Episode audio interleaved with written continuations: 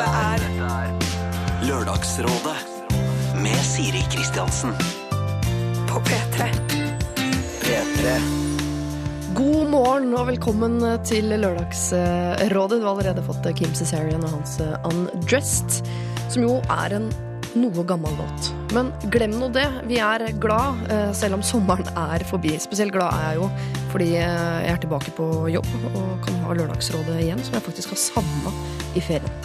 Eh, Det har vært en fin tid, eh, men mye tid er ikke bare bra. Selv om man da har tid til å finne løsninger på ting, så har man også nok tid til at det dukker opp ganske mange nye problemer. Eh, Det er eh, kjærlighetsbrudd ofte i en eh, ferie. Man kan møte kjærligheten på nytt i en ferie. Man kan få seg venner, man kan miste venner.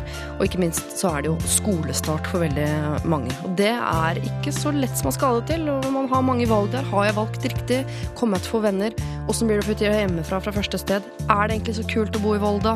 Jeg er redd for å fly. Går det an å lande der, eller bør jeg ta buss? Altså, det er veldig mange ting. Det er mye spørsmål oppi folks hoder om dagen. Eh, Jeg har en følelse av begynnelse alltid rett etter sommeren. Mye større følelse av begynnelse nå enn jeg har på nyttår f.eks. Nettopp fordi det er flere valg. Det er kanskje mer sånn emo rundt jul. Sånn hvordan er egentlig forholdet til familien, alle greiene der. Men det er flere valg nå, og valg er per definisjon dritt. Eh, Jeg er fall en av de, og jeg tror jeg representerer ganske mange, som skulle ønske jeg hadde en eller annen som bare satt og fortalte meg hva jeg til enhver tid burde gjøre. Hva jeg burde si, hva jeg burde eh, velge, og hvor jeg burde gå til enhver tid. Eh, Det nærmeste du kommer en sånn en, er vel kanskje Lørdagsrådet. Eller opprinnelig så skulle det jo vært mora di, da. Men det kan godt hende, og jeg håper jo faktisk at det er Lørdagsrådet som er den lille stemmen i ditt eh, hode. Og da er det bra at vi er tilbake på så mange måter.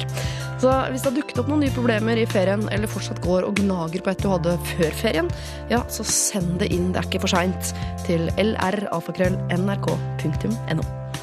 Lørdagsrådet På P3. P3.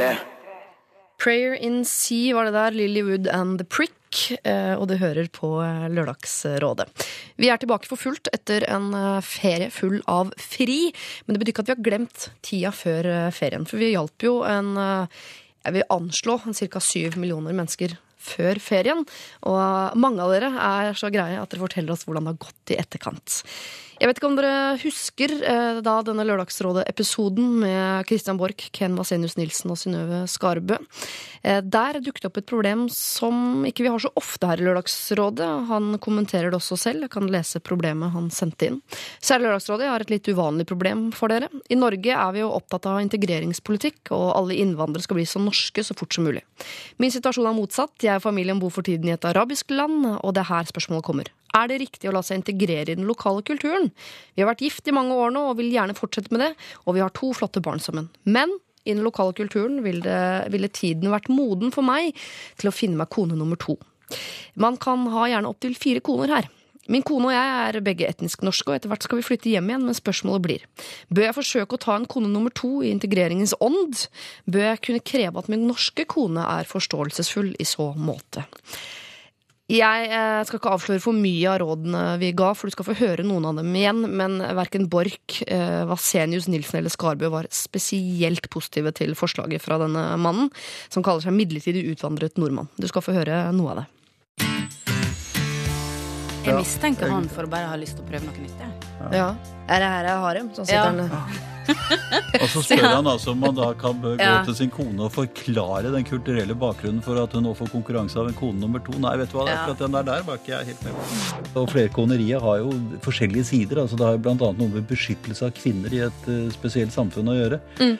Uh, Så det, det er ikke problematisk, egentlig. Men det er klart, altså da er du snakker om virkelig integrasjon. Og da er det jo ikke noe That's the point of no return. altså Du kan ikke komme hjem med de vanene der og så integrere det på Grorud, på en måte. Det blir litt tullete, altså. Og så blir det dyrt. Du må gjerne ha råd til å ha tre-fire gode koner gående og gresse ja, nedi der, ja. men eh, velkommen til. Store Shopping.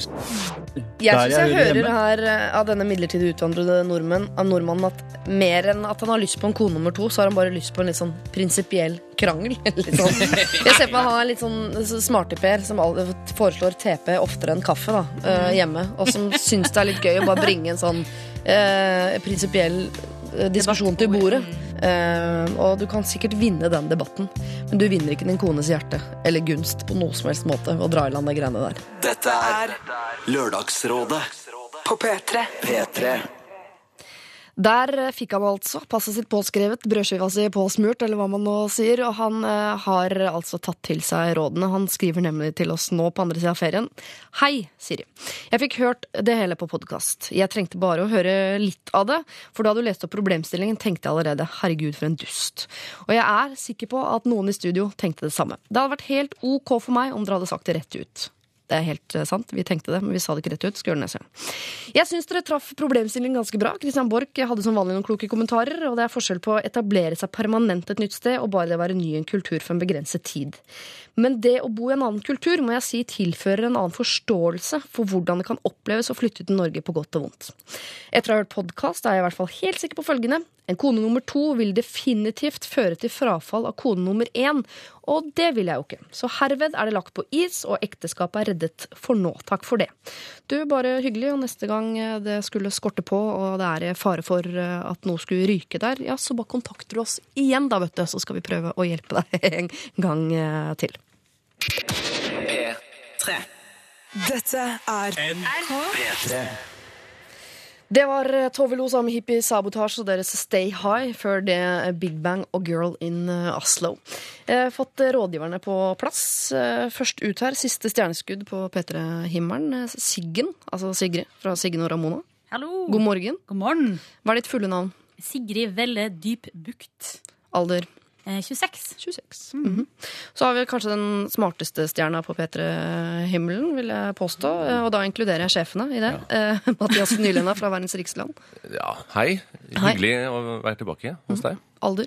31. 31, ja. mm. Og så flytter vi oss litt sånn geografisk eh, bort fra P3-himmelen over på uh, internett. Uh, Einar Tørnquist, god Hallo. morgen. Hei, hei. God morgen. Alder? 32. 32. Ja. Det er vel du som liksom er den smarte. Du er Mensa-medlem, er du ikke det? Eh, jo. Er du det, eller? Eh, ja.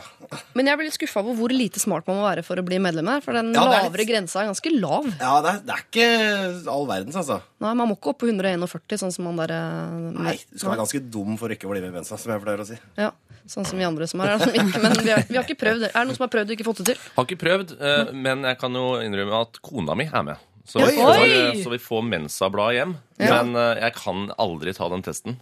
For, Nei. altså, Men kan du ta sudokuen i jeg har den- ja, nei, jeg er ikke sånn Ja, jeg vet ikke. Ja, ja, nei, det er litt sånn betent. Men jeg kan, ikke, jeg kan aldri ta den testen. For hvis jeg ikke Altså, ja. du- Enig. Jeg Hvis også er du har for bedre, få nei. bedre selvtillit, så bare les alle. Det er veldig mye skrivefeil i Mensa Nytt. Det, Det er deilig. Så det, det kan, du trenger ikke å skrive rett for å ha høy IQ.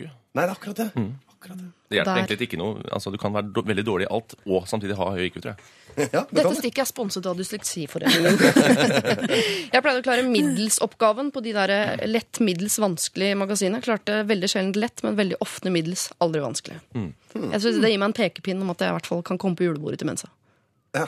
Om, om ikke annet som underholder. Ja.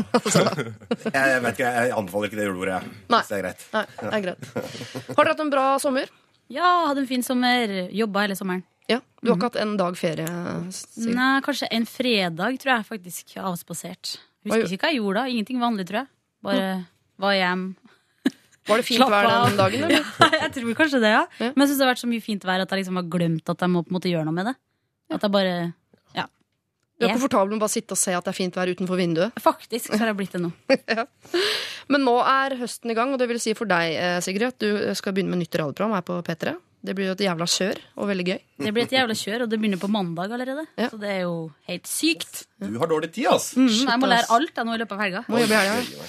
Hva med deg, Mathias? Når er dere i gang med Verdens rikeste? På mandag, eh, vi også gleder oss stort, begynner tre og får eh, utenriksminister Børge Brende på besøk. Mm, så er det gøy. Ja, Han har fått litt eh, tyn i avisene i det siste. Det vil jeg ta tak i. Hva er? Ja, altså, Hva er det ikke å ta tak i etter denne sommeren her? Nei, det er sant.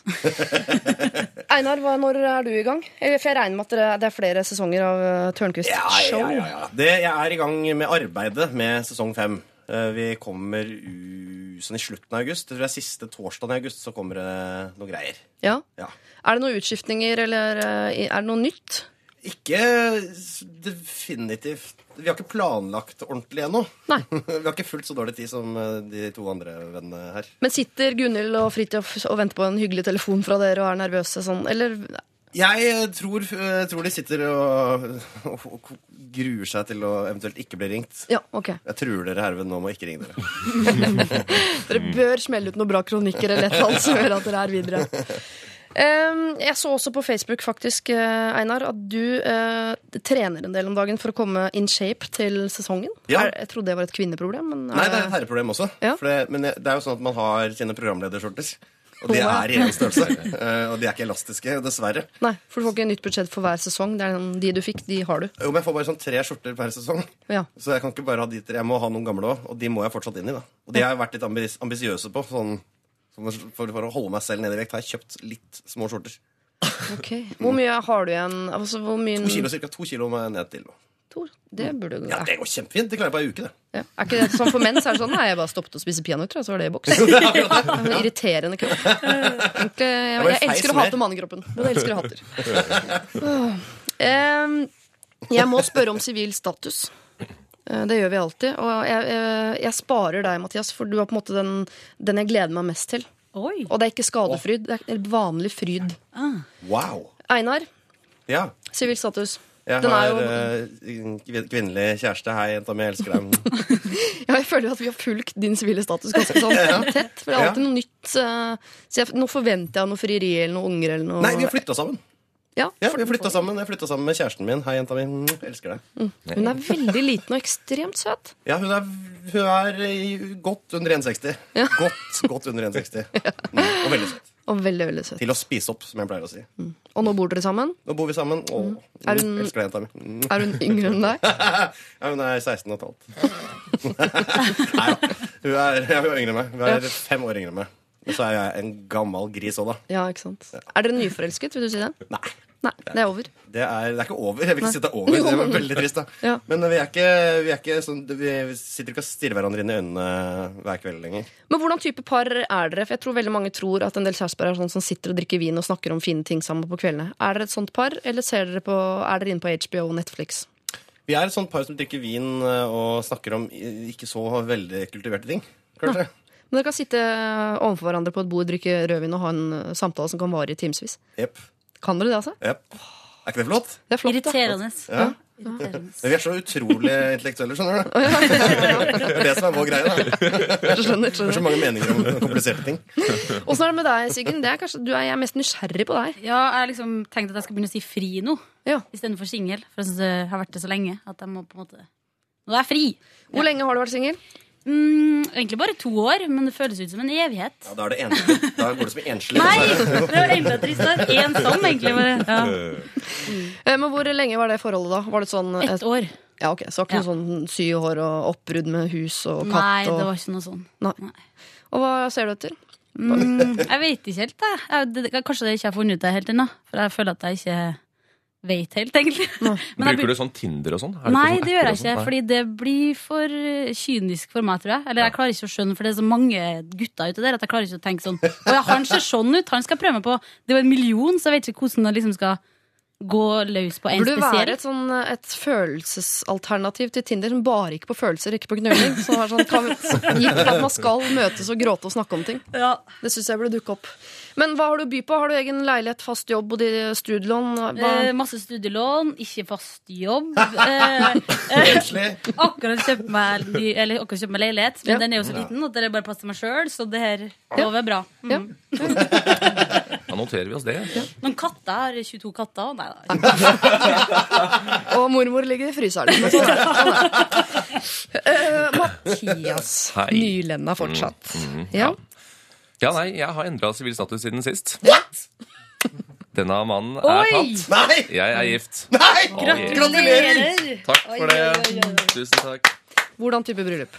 Du, vi gikk for eh, nær familie og forlovere i København på et eh, herskapelig hus ute på Gentofte. Eh, med barn eh, og brudepiker og stryk i en sånn flott hage ved en innsjø. La meg gjette. Kona di, som, altså hun som nå er kona di, Mm. hadde litt sånn tilfeldig oppsatt, men ikke veldig oppsatt hår, barbeint og en fin hvit kjole. Eh, hun hadde eh, faktisk eh, sko på. Oi. Men, eh, men kjolen var fin, og sånne eh, ikke, ikke Converse. Ikke Converse, Jeg vet ikke hva de heter, jeg. men de var flotte. Crocs. Ja. Eh, Crocs var det, Ja, det var det. Og nei, hun hadde litt hår Ja, altså, du, du er ganske spot on. Ja. Hun så megabra ut. Megabra ut. Og du selv? Jeg hadde på en blå dress med sløyfe og brune sko. eh, Og var så fin jeg kunne være sjøl, jeg, altså. Dobbeltspent, eller? Eh, nei. Bra. Ja. Nei, ja, Man må spørre, for det er jo noen som går i dobbeltspentfella. Fordi det er det eneste jeg husker fra konfirmasjonen. ja, nei, nei, nei. hadde på magebeltet? Eh, ja, det var rosa. Det var rosa. Nydelig. Eh, det er hyggelig. altså En som akkurat har blitt samboer, en som er singel, og en som er nygift. Dere, altså, er, det spekteret der er så bredt og fint å ta med seg inn i uh, denne verden som vi nå befinner oss i. Vi skal løse andres problemer. Jeg føler at alle på en måte er ivaretatt på en eller annen måte. Jeg må vel nesten slenge med at jeg har to barn nå, da. Bare Ja. sånn, altså, Gift, to barn. Men har du ikke flytta òg? Uh, nei, vi bor fortsatt i en leilighet vi er altfor mange til å egentlig kunne bo i. På husjakt, altså. Ja, på en Ja. måte. Ja. Vi skal høre Admiral P og hans allergi, vi, og så skal vi da slippe disse menneskene løs med sin livserfaring og den bagen de nå måtte ha med seg eh, på problemer etter det. Dette er Lørdagsrådet På P3. P3. Det var eh, Admiral P og hans eh, allergi, og med det så er vi klare for morgenens første problem. Og det er et ganske langt og litt svulstighet, folkens. Er dere, har dere mage til det? Absolutt. Er det noe annet i magen deres enn kaffe nå? Nei, jeg, Pølser. Pølser? Veldig bar. Veldig bar mage. Bare kaffe og vann. Ja. foreløpig. Da kan det bli litt tøft. Eh, men jeg skal prøve, og jeg sier på forhånd at denne mailen er eh, ettertraktelig kortet ned fra eh, meg. Hei, Siri og Lørdagsrådet. Normalt sett er jeg en fornuftig og rasjonell jente på 20 år. For et drøyt år siden ble jeg forelsket i det jeg vil kalle drømmemannen Mats. Han bodde to timer unna, og vi var begge innstilt på et avstandsforhold. Vi var offisielt sammen i ca. ti måneder, noe jeg vet ikke er spesielt lenge. Han gjorde det slutt da jeg ringte for å si at vi måtte snakke sammen, på grunnlag av at jeg følte at vi var på vei til å skli fra hverandre. Han følte alt av følelser var på vei bort. Jeg ble desperat og gjorde alt jeg ser i ettertid jeg ikke burde ha gjort. Jeg maste, styrte og det som var. Lange meldinger, forklaringer og et desperat gisp etter å prøve på nytt. Det gjorde at han ble enda mer sikker i sitt valg. Da det var gått drøye to uker, gikk det opp to lys for meg, som jeg mener det ligger noe i. Etter påske nemlig startet min eksamensperiode. Jeg ble ekstremt sliten. I ettertid har jeg funnet ut at det ikke var så rart. Jeg ser jo ekstremt dårlig og har nå fått meg lesebriller.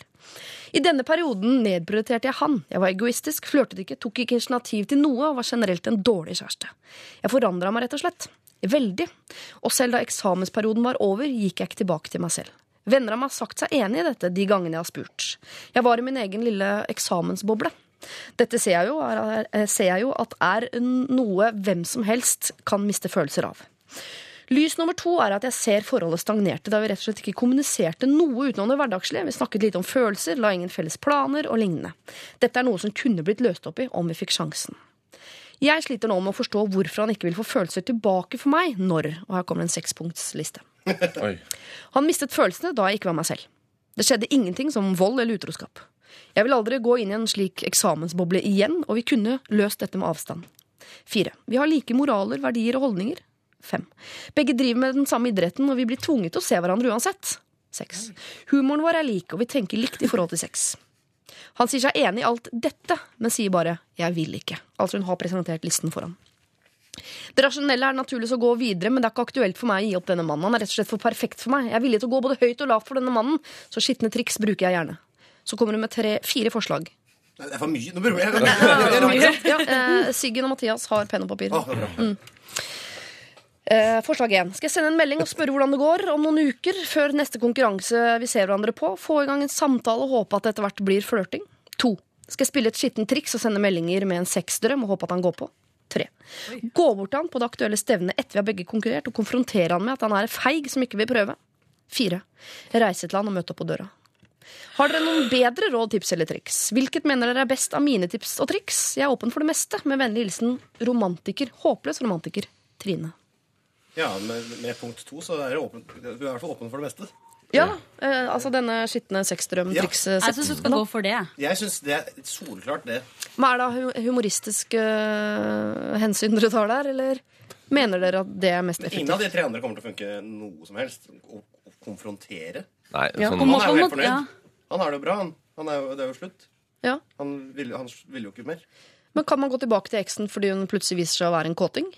Jeg tenker at Hun må må bare vise hvor bra hun egentlig er nå. Det hjelper ikke at hun liksom sutrer eller prøver å få han tilbake, for det virker bare slitsomt. Ja. Hun må liksom bare gjøre noe skikkelig kult nå. Det er det eneste hun kan gjøre. for deg. Og da er kanskje det der sexeriet der. Bra ord. Sekseriet Sekseriet Det høres ut som et radioprogram. Sexeriet på P3. Men er det noe annet hun kunne ha gjort da, som er eh, vel så kult eh, Kanskje ikke kulere, men vel så kult som sex? da? Mm, kanskje synge over høyttaleranlegget. Spring ut. Jeg ser for meg at de er sprintere eller noe. Nei, jeg vet ikke. Jeg har også sett Ja, for meg friidrett. Ja. Det er ikke spesifisert idrett her. Nei. Nei. Nei, nei, nei. Nei. Altså, Men det virker ikke som lagidrett. Nei. Nei. Eh, altså, altså, har de felles venner som vil dem vel? Skjønner du hva jeg mener? Altså, har de eh, venner som, som er, er kanskje er interessert i at de skal finne sammen igjen? Som hun kan bruke?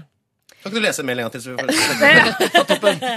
Men Altså, Det eneste vi vet om vennene her, er Ja. at hun har presentert også denne listen for Ja. dem, og at de har sagt seg enig i at hun var en eksamensboble. Så Ja. Sånn sett er jo de enige med henne i mm. all hennes rasjonalitet. Men da er mitt oppfølgingsspørsmål om eh, Dette høres kanskje litt poetisk ut, men er kjærligheten rasjonell?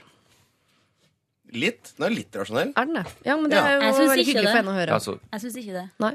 Dessverre. Men eh, jeg syns det høres ut som hun er mer hekta enn forelska, på en måte. At du skjønner hva jeg mener? At hun liksom Hvis Ja. hun hadde vært så forelska, så hadde hun kanskje skrevet mer om hvorfor han er så bra og perfekt. Jeg vet ikke, men det bare virker som hun har bestemt seg for at hun må vinne det her, eller noe. At hun liksom Jeg vet ikke, jeg føler ikke at, eh, at hun kanskje vet helt hva hun holder på med sjøl, nesten. Ja, Det virker Kanskje? litt sånn despo... Litt sånn, det virker ikke helt bra, det her. Sånn hvor hun er akkurat nå. Nei. Eh, hun har ikke helt roa. Hun har veldig, veldig høye skuldre på det. Uh, litt- veldig sånn desperat. Uh, og kan stå i fare for å skyve den enda lenger bort, da. Det er litt sånn folkehøgskoleaktig. Hun har vært i den Ja. folkehøgskolebobla i tre år, og nå tror hun at hun aldri kommer til å kose seg hvis hun ikke gjør akkurat det i tre år til. Nettopp. Hun er, hun er 20 år. Ja. Ja, og det er jo en sånn alder hvor eh, ting eh, fortsatt ikke har blitt helt normalt. Det har ikke blitt helt, du, Ting er veldig store ennå. Forelskelsen er mye større når du er 20 enn når du er 30. altså. Ja, men Dybdesyn og perspektiv og sånn er ikke helt på plass ennå. Antageligvis ikke. Men eh, så kan jo hende at det egentlig bare er å tenke, tenke nytt. eh, prøve å finne noen andre. Ja. Eh, for jeg er ikke helt sikker på om det er så lett å overtale han Mats her til å komme tilbake. Derfor kan man liksom argumentere seg fram til å få tilbake kjæresten sin. Nei. Det er vanskelig, altså. Nei. Det er jo den eh, Ja, det, det, er, det er bare én ting som på den lista hennes, i hvert fall, som, eh, som kan Det kommer litt an på han Mats også. Ja, ja, ja. Kan han effekt, men konfrontere eh, gå- og- eller gå og ringe på døra og sånn, den er bare det er jo Få møte opp for Crazy. jeg, Ja, jeg, nei, Det har altså, skjedd med meg en gang, og det var timer helt unna. jævlig. At en sto på døra di? Ja, ja, ja. Jeg, andre juledag hjem til mor og far. eh, Fyr som bodde langt unna. Hadde Beklager. avslutta det. Plutselig så ringer det på døra. Vi satt i familiemiddag, og der står han. Jeg hadde ikke sett den på dritlenge. Jeg ble, fikk jo helt angst. Så dessverre så sa jeg faktisk Jeg sitter midt i en familiemiddag. middag, Jeg eh, tar og sender en SMS etterpå, så møtes vi da. Men så fikk jeg så, jeg fikk så angst at jeg bare sendte melding og sa sånn Sorry, jeg kommer ikke til å møte deg. Snakkes. Jeg synes det høres Jeg synes det var helt forferdelig. Ja. forferdelig. Og, og da gikk han rundt fra hus til hus og solgte fyrstikker? Jeg vet ikke hva han gjorde. Jeg aner ikke hva han gjorde. Det er jo ingenting å gjøre i Kristiansund, der jeg kommer fra heller, så han kjørte vel hjem igjen. da. Og han hadde ikke reist fra en sånn land nærme ekvator som kom i shorts og sandaler andre juledag? Han kom med en liten bart, trønderbart, og Ja. Det er ganske langt fra ekvator, altså. ja men han altfor langt, spør du meg. Ja. Men han lever. han lever og har det fint, og han er kjempekjekk. Kjekkere enn noen gang, så Ja. det er fint for han. Smell. for på. Men det er, det er også generelt råd. Ikke gjør noe sånn drastisk. Ikke liksom eh, gjør sånne ting som er litt skremmende. Ja, for man bli Det funker ikke. altså, det eneste hun kan gjøre her, tror jeg er nummer én, da. Å bare hilse på det stevnet. Antagelig. Og håpe at det etter hvert blir flørting. Uh, nei, men Altså, ja, Hun gjør jo det, men det gjør hun uavhengig av hvilket punkt hun velger. Ja. Men uansett hva hun velger, så håper hun jo at det etter hvert blir flørting. Ja. Så, så, men uh, mer enn å konfrontere, uh, mer enn å gå på døra, og også tror jeg egentlig mer enn å bare sende en kåt melding, så tror jeg et hallo er en god start, da. Ja. På å normalisere, i det minste normalisere kommunikasjonen, liksom. Så at du er på hils igjen. Men ta den diggeste treningstightsen, liksom. Og Ja, den beste sports-BH-en og alt det der. Ja, må pynte deg litt. Vi krysser fingra for volleyball, da, dere. Volleyball, ja. Jo, men jeg bare tenker, fordi Hun virker jo eh, ekstremt rasjonell, både liksom tilnærminga Ja. si til kjærligheten. sånn, Vi driver med den samme idretten, og alt der er liksom grunnene til at det skal, han er drømmemannen er rasjonelle, og grunnene til at det skal bli sammen igjen er rasjonelle. og alt det der. Ja. Så jeg også får ikke helt den store lidenskapen her. Jeg får mer sånn får, Dessverre altså, får jeg litt sånn um, Litt sånn desperate Jeg sier ikke at hun er gæren, men midt oppi en sånn desperat jakt så kan det jo klikke litt grann. Ja, ja. Midlertidig. Hun har jo sendt deg en halv bok, liksom, Ja. så hun er jo litt desperat. Men da er det jo livsfarlig å sende en sånn sexdrøm på toppen av regjeringen. For jeg tenker sånn, Ja, det er det. da, Hvis en fyr hadde vært veldig sånn desperat på jakt etter kjærligheten med meg, og så plutselig sende en sexdrøm på SMS, det er da jeg ringer politiet. For å Ja. forsvare meg selv. eh, eh, det var bare et valg av mellom fire onder. Ja, ok. Eh, Ja, ja, ja, ja. Det var, var det beste. Jeg ville heller ikke anbefalt det. Jeg er jo en gammel Gnir gnier og tenker at kanskje hun burde tenke på noen andre gutter. Gammel gris, sa du i stad. Blitt gni- Gammel gnier nå. Det er mange ting på G. Ja. mange ting på G. Mange gamle ting på G. Men vi mener kanskje litt at hun bare burde kulen litt, da. Og Ja. kanskje ikke dette her eh, kommer til å gå, og kanskje ikke det gjør så veldig mye. Nei, så hun skal altså ikke kjøre på videre. Nei, hun må, jeg mener at hun godt kan prøve å hilse og se hva som skjer. Ja. Men hun må ikke tenke at uh, livet går til helvete hvis ikke det her uh, ordner seg. Kan hende hun kan sende en Wordfeud-invite. Ja. sånt. Eller Russell. Eller Eller, World of Warcraft. Eller World of, World of Warcraft. Oh, ja. Det er gøy å si på engelsk. Ja. World of Warcraft. Men jeg vil bare si at uh, det er jo ikke noe unormalt med det. Jeg har jo vært sånn, jeg òg, liksom. Sånn gal på SMS og bare sine ti stykker, så får du kanskje svar. Altså, Vi har alle gjort det. Ja, ja, så må ikke ikke føle seg rar på grunn av det. Nei, det er det jeg mener, at man blir litt, eh, altså litt sånn eh, gal for en periode mm. når man er midt oppi den derre Man er ikke på sitt beste. Nei, og man må Nei. ikke forveksle det med kjærlighet, for det kan godt hende at du bare ikke kommer deg videre fordi du har hodet fullt av eh, spørsmål og ting du mener er urettferdig i denne prosessen. Eh, kjære håpløse romantiker eh, Trine. Vi håper jo at dette går eh, bra. Så derfor så syns vi ikke at du skal gi opp. Vi syns du skal si hei på neste stevne og neste gang du møter han i konkurranse, og at kanskje det oppstår en eller annen flørt. Men å fortsette med, denne rasjonaliteten og dette som jo kan minne om masing, tror vi ikke er lurt, for det virket jo som han var lei av det ganske tidlig i prosessen, i og med at han ble enda sikrere i sitt valg etter at du har drevet med nettopp det. Så å fortsette ned den veien der mm, Kanskje ikke. Men si hei på neste stevne. Et hei er jo ofte starten på giftermål, ikke sant, Mathias? Ja, det starter med hei og ender med bleivask.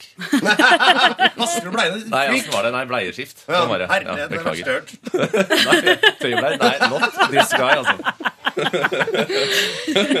Vi går eh, videre fra eh, kjærlighet og bleivask til eh, solbær og andre buskevekster. Det er et ganske langt hopp her i Lørdagsrådet, så vi trenger litt musikk for å komme oss videre. Dette er Dette er P3.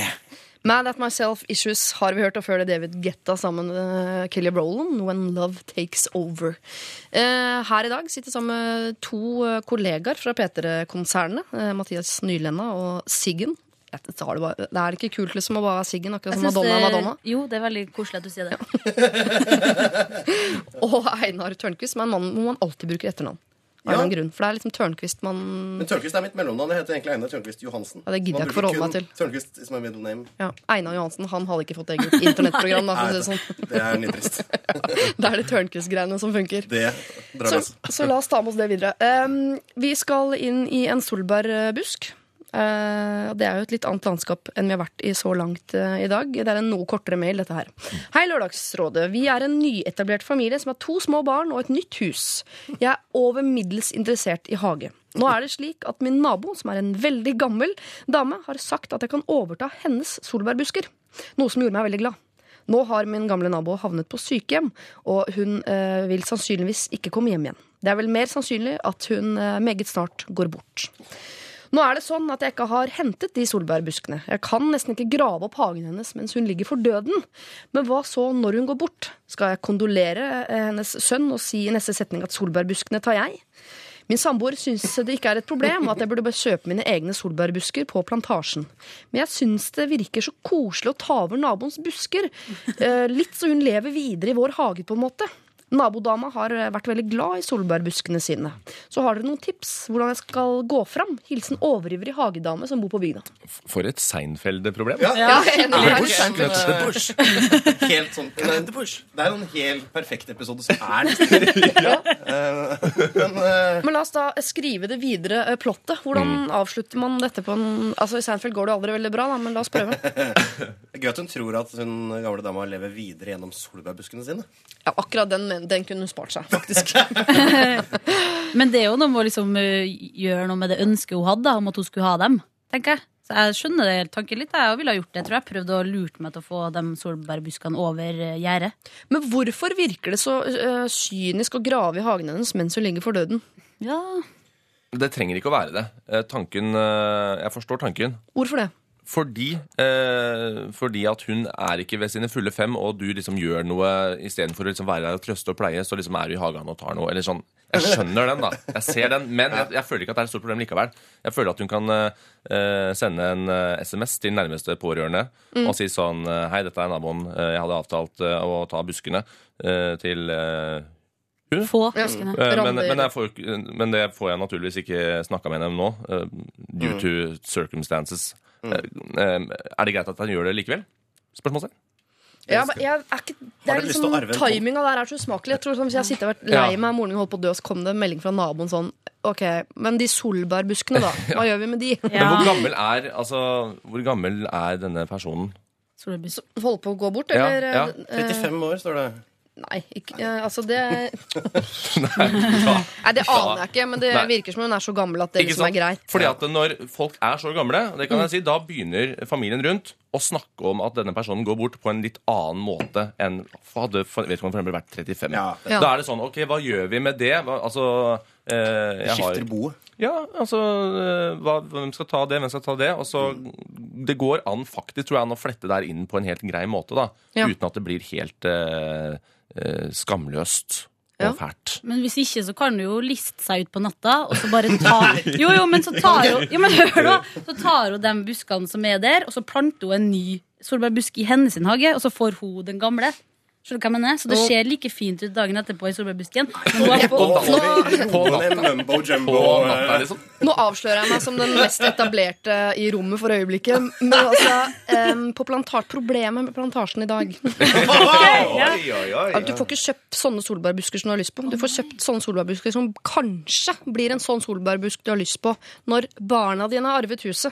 Aktig. Oh. Så jeg Ja. skjønner at man har lyst på de buskene som allerede er store, bærer frukter, ikke sant? som ikke bare er et sånn strå. Er det en dimensjon jeg ikke hadde vurdert i det hele tatt? Nå her. forstår jeg plutselig problemet hennes. Ja, ja, ja. Jeg sitter rista på huet hele tida mens de andre har snakka. For du mener du bare skal drite i de buskene og gå Nei, på nå mener jeg ikke plantasjen? det mer. Nei, nei, men, Dette nå skjønner jeg liksom verdien. Dette er et, og slett godt opparbeida Dette er kapitalen til hun eh, dama. Dette Ja. er hennes uh, barn. Ja. Som hun har lyst til å arve. Ja, det skjønner jeg. Det synes du skal, da syns jeg du skal gjøre det Mathias eh, foreslo i stad. SMS til barna? Ja, altså hun, skal, hun må alliere seg litt med nærmeste pårørende. Kanskje hun har en sønn eller en datter eller et eller annet som eh, er litt ekstra nær. Ja. Og, og ta en telefon. 'Hei, det er naboen'. Uh, var veldig leit å høre. Jeg har tenkt å sende en blomsterkvast og alt det der. En sol- uh, liten solbærbusk. uh. Eh, og så var det en ting til. Vi, vi hadde en avtale om noen busker. Eh, og nå får jeg jo ikke snakka med henne, men jeg vil bare informere om at jeg kommer til å flytte de buskene til uka. Håper det er greit. Ja, og du kan også tilby deg da å, å dekke igjen disse høla. eh, med, Ja, men det, det syns jeg vedkommende Høla etter burde. Det solbærbusken. Altså. bør de gjøre. Med, for eksempel, med, med hva enn de andre ønsker seg. Ja. Hva, hva enn, om det er hagenisser, for eksempel, eller eh, Og For det hun risikerer ved å sende den SMS-en, er at sønnen Glenn Ja. også har en kone som er opptatt av solbærbusker og andre buskevekster. Og sier sånn Nei, de overtar vi. Ja. Det risikerer hun, og det mener jeg det er, den risikoen hadde ikke jeg tatt. Fordi du har faktisk fått de buskene av den dama. Hun kan gi bort hva hun vil så lenge hun lever. Men hvis du venter med dette her sånn at det blir en del av liksom, arveoppgjøret, ja, da har, du, da har de der solbærbuskene kanskje glidd mellom fingra på deg. Ja, Men det er jo grenser for hvor mange liksom, ganger Mona Høines dukker opp i sånne situasjoner. Det, altså, det, er, det, det skjer, men det skjer ikke alltid. Er det, det er ikke, står ikke signert med Mona, den meldinga her. Nei, gjør ikke det. Gjør ikke det altså. Men jeg tenker sånn, egen, hun har fått solbærbuskene, så sånn i praksis så kan hun bare gå bort og ta de solbærbuskene. Det hun vel er redd for, er at naboer for eksempel, skal si sånn Å ja, nå ligger hun for døden, Ja, og så er naboen borte og stjeler. Ja. Og så, ja, så er vel ikke, Hun har vel ikke bevis på at hun har fått solbærbuskene ennå? Hun har vel ikke dokumentene i hende? nei men jeg, jeg ville heller vært naiv og sagt til naboene sånn Jeg har fått de solbærbuskene, så sa jeg. Jeg, jeg driver ikke liksom og, og eh, stjeler her nå. Og så, hvis barnebarna reagerer i etterkant, si sånn å ja, beklager, det, eh, jeg visste ikke at det var så alvorlig, og jeg har jo registrert at hun ikke er her for tiden, og bare vært litt sånn mer naiv. Selvfølgelig, dere kan gjerne få tilbake de solbærbuskene, for guds skyld. Det syns jeg var lurt. Ta den naive tilnærminga. Ja. Bare gjør det og si sånn. Og det visste jeg ingenting om. At du hun var borte og jeg bare, Vi har avtalt det her, og nå har jeg den egentlig er jo alt greit. Ja, ja. Eier og nabo er jo enige om at solbærbusken er din. inne. Det, det blir komplisert fordi plutselig er døden der, og det er litt Ja, vanskelig. Men spill litt, vær litt ydmyk på det, liksom. Ja. Vær litt sånn 'Å ja, ok, håper dette går greit'. Eh, men du har jo rett. Du har jo inngått denne avtalen. Mm. du må bare ikke være så breial på det, for at det, det ligger faktisk en dame her og er i ferd med å ta på seg tredressen. Men det er et tilregnelighetsspørsmål også, da, med den gamle dama. Det er sikkert Det er ikke sikkert at du er i full rett. Nei, Dette er så komplisert! Og det er som arv! Åh, det er vanskelig. Ja, Arv og tilregnelighet. Jeg har ikke gått nok inn i rettsvesenet til å vite sånn hvis en dement person gir bort masse greier rett før sin død, om det er greit? Eller Nei, man da er godt... det, jeg tror jeg ikke du får de tinga. Nei. Det er noe tilregnelighetsspørsmål. Du må jo være tilregnelig. Ja, for her dukker det opp et helt marked som ikke jeg har eh, Mm. at Jeg lurer på om jeg skal sondere nabolaget hjemme og sjekke Ja, Hvem- for, nå burde jeg tenkt på tanken på bare gå og grave. Ta naivt tilnærming og bare gå og grave hagen til folk. Nei, jeg tenker mer på liksom sp- spørre folk som er på slutten der, om eh, Ja. de der, den den solbærbusken og den Widescreen epletreet og, og widescreen TV. Bobleballet, det eh, har en avtale. Ta, ta kontakt med en pårørende og snakke ut om de buska. Og det er klart, hvis de også vil ha den busken, ja, så har du et problem. Eh, Da havner man i en sånn ordkrig. Men jeg tror ikke det vil skje. Jeg tror det oftere eh, ordner seg. Og hvis det skjer, drit i den busken, da. Ja, Vær så snill, ikke dra uh, solbærbuskene inn i rettsvesenet. Ikke gjør det. Nei. Ikke plag uh, Også- Lippestad med dette. Og så selg manuset til Thomas Hertzen, så kan han lage en uh, ganske bra episode om det. Ja, jeg er helt enig at En solbærbusk er en solbærbusk, og det er klart at naboen sin er finere enn plantasjen sin. Så jeg skjønner at du har et ønske om å få dem, og egentlig er alt på greit. Er alt på greip. Det er bare at eh, døden gjør det helt eh, litt mer komplisert. Så du kan sende en SMS til pårørende, men da mener jeg at et kriterium er at den, et, et, et telefonnummeret må du ha fra før. Ikke begynn å google og grafse for å få tak i nummeret til en du ikke vet hva heter egentlig. sånn. Hvis det liksom innebærer en sånn herre prosess for å finne ut av hvem barna er. Da blir det for mye jobb. Da går du heller bare bort med spaden, og så tar du problemene i etterkant. Lykke til. Dette er Lørdagsrådet På P3. P3. Sei Nabo Sei var det der med denne låta Younger. Det er ikke så ofte jeg er så opptatt av hvem som er remiksa. Det mener jeg. Det er en sånn verden som er litt utenfor min. Men akkurat når det er Kygo, så liker jeg å si det. Bare fordi han er på en måte vår, hvis dere skjønner hva jeg mener. Mm. Eh, jeg har besøk av tre finfine rådgivere. Einar Tørnquist fra Stokke i Vestfold. ja, jeg, jeg tenkte så internettkonsernet, for jeg skjønner ikke helt hvor du er ansatt. Nei, jeg er ansatt i Internett. så Jeg får, får lønn fra The World Wide Det er høres så kult ut. Kult. Eh, Siggen, som jo er eh, på midlertidig kontrakt her i eh, P3. Mm. Og Mathias Nylenda Ja. fast, eller? Jeg er fast. Fast ansatt Ja. i NRK, som meg selv. Eh, vi skal ta et uh, lite problem som handler om uh, vennskap. Hei, jeg trenger hjelp med et dilemma. Det har seg nemlig slik at jeg har blitt veldig god venninne med en fantastisk jente. Problemet er det at hun ikke vet at jeg har hatt one night stand med hennes kjæreste, som hun nå venter barn med. Oi! Dette skjedde for litt over et år siden. De var ikke sammen. Burde jeg fortelle henne at jeg har ligget med han før? Jeg vil jo ikke øde det gode vennskapet vi har fått. Jeg bryr meg ingenting om one night standen. Hun betyr mye mer for meg. Da må jeg bare spørre hvorfor skal dette informeres om? Nei, Det lurer jeg også på, da. Men øh, hun går nå med tanken på kanskje at det kan jo dukke opp Kan- en gang at hun finner ut av det. Og da burde Ja. det vel Ja, ha kommet fra meg. Ja, dette, dette ja, har jeg ikke erfaring med sjøl, men andrehånds erfaring. Jeg har en uh, venn som uh, var i eh, den situasjonen. Ja. At uh, um, personen hadde ligget med eksen til en ja, bestevenn. Ja. Og eh, hemmeligheten måtte fram. Altså den vokste, vokste seg stor, Ja. og det ble et verkende sår. Men timing is everything, da, mener jeg. Og hva er riktig timing her, da? Før dette barnet kommer? Etter? Midt i? Um, SMS? Brev? Jeg føler etter barnet har kommet. jeg føler Jeg har noe jeg skal si. Nei, ja, jo, det- men ikke sant? Det er jo, da står du midt oppi noe annet, så du har ikke tid til å bry deg om det bagateller som one night stands. Ja, ikke sant? Um, ja, nei, jeg har Hva tror dere faren er hypp på? Eller typen her? Jeg lurer på om de har møttes, jeg, sånn at han liksom har tenkt over det, han òg. Eller om det er så nytt at ikke liksom, Kanskje det er han som, har møtt. ja, kan hende det er han som bør si det. Det kan hende. Ja, Det er vel kanskje han som er informasjonspliktig. Ja, men igjen da, ikke sant? Han kommer ikke til å gjøre det på eget initiativ, og det sier jeg bare med, eh, med stor eh, tiltro. For, for, for, for han, bare fordi han er mann. Altså, han kommer ikke til å si det på egen hånd fordi han er mann. Eh, så da sier han det i så fall fordi innsender her har bedt han om å si det. Og da har de plutselig hatt en samtale Ja, bak denne kjæresten sin. Det hadde ikke jeg Ja. likt. Nei, altså, sant. dere har kommet fram til noe? Ja. Jeg, synes, jeg lurer liksom på hvor lenge de har vært sammen. jeg. For Hvis de har Ja. vært sammen veldig lenge, så er det der bare en bagatell. Men hvis det forholdet er litt nytt, Det er da hadde, nytt. Ja, da hadde jeg frika ut. Hvis jeg hadde vært ung. Ja, men De lå sammen for et år siden, så, Ja. de, kan ja, så de Ah. har vært sammen i mindre enn et år med en ventebarn. Så ting har Jeg syns det kan være Et ventebarn, da er det allerede da er den låst. Jeg, jeg, da, dette går bra. Jeg tror, jeg tror det skal gå fint uh, å informere om det, altså. Men det er jo også lovlig uh, omgang. Ja, ja, ja, ja. Det er, eh, Absolutt. det er ikke noe gærent som har skjedd. Problemet er, problemet er jo at Alle har fortid. ja, Problemet er jo at det, at det må fram. da. Altså, det må Hvorfor ut.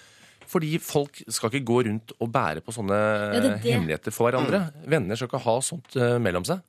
Jeg tror det er verst på en måte for hun som går og holder på det òg, egentlig. Så Ja, ja. egentlig så Ja, burde det du bare få det ut ikke av så- lufta. altså. Ja, Hun bryr seg ikke, så- det. Og så er det den, den siste hun som da er uh, sammen med denne mannen nå. Det kommer litt an på hvor intrigant hun er. Hvis- Intrigant? Intrigant. Hvor mye intriger hun lager. Å ja. Har Aldri hørt. Ja, ja, nei, jeg skjønner jo ordet, men jeg har aldri hørt det brukt før. Eh, takk. Uh, så hvis, hvis hun er sånn som blåser opp alt, eh, så ville jeg kanskje vært litt forsiktig. Hvis hun er en, en jordnær jente fra landet, Easy going. ja, easy going jente med Ja. beina godt planta på jorda, så tror jeg kanskje det ikke er Da minner jeg om at hun er gravid. Ja, altså, jeg jeg- jeg- Sant, det. Også easygoing eh, jenter fra landet kan Ja, ja. bli intrigante. Ja, jeg tror det er dårlig timing da, nå.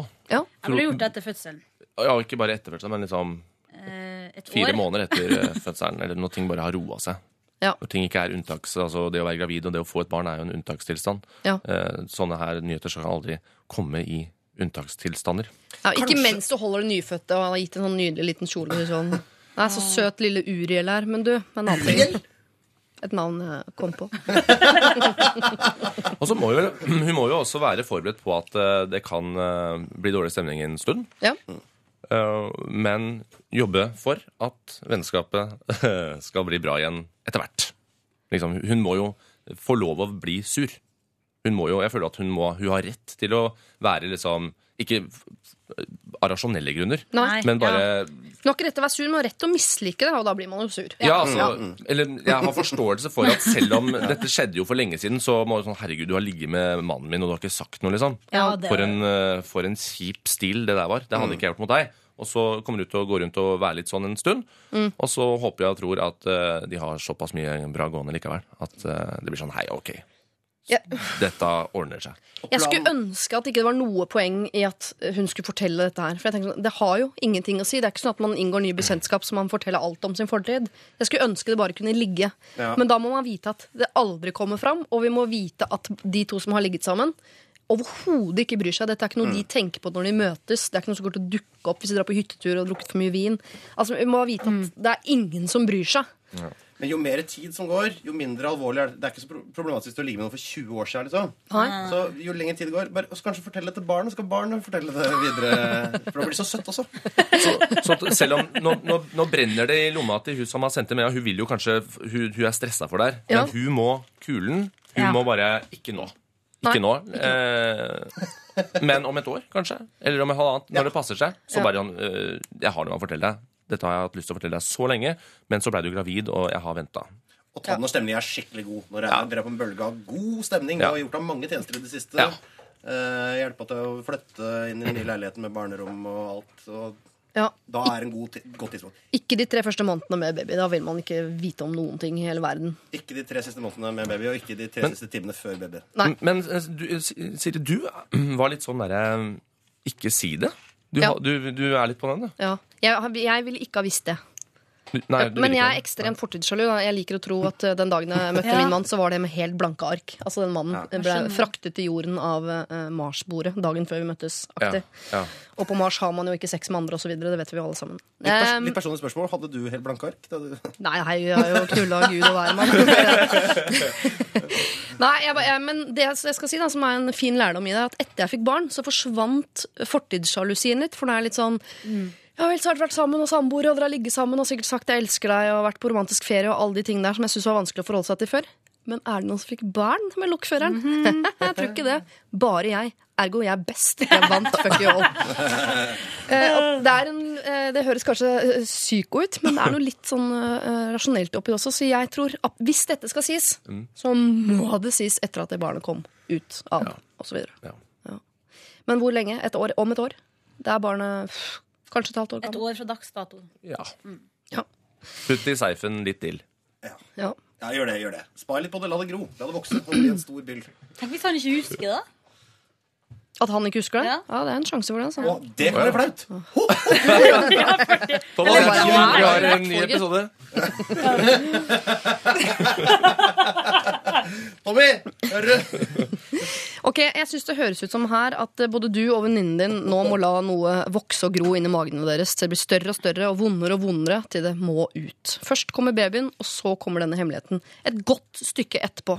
Og da kan det bli vanskelig eh, etterpå. Det kan bli barseltårer både etter babyen og etter denne hemmeligheten. Eh, Men når babyen, skråstrek hemmeligheten, har lært seg å sykle, ja, da kan man senke skuldrene når man er atter venner, altså. Åh, for flott sagt. Altså, det det- der det Det skal hadde jeg spolt tilbake ass, hvis du hører på podkast. Fast stilling, det skjønner jeg utrolig godt. Ja, for jeg kunne eh, brukt eh, bilder som var sammenfallende i begge situasjoner her nå i de neste tre timene. Er det sant? Mm, det blir eh, bonus på podkasten. Litt av applaus for Siri der. Ja, Gratulerer. Det var fantastisk. Takk. Deilig å være tilbake. NRK P3 Etter en eh, sommer i Danmark så kan jeg fortelle noe så interessant som at denne Coldplay-låta A Sky Full of Stars også går på dansk radio. Det kom kanskje som et sjokk på mange, men det gjør den altså. Jeg hadde aldri trodd det. Jeg Nei. tenkte at det var en norsk eh, spesiallåt. Nei. Jeg cruisa de danske alpene med den låta på stereoen sjøl. Ja.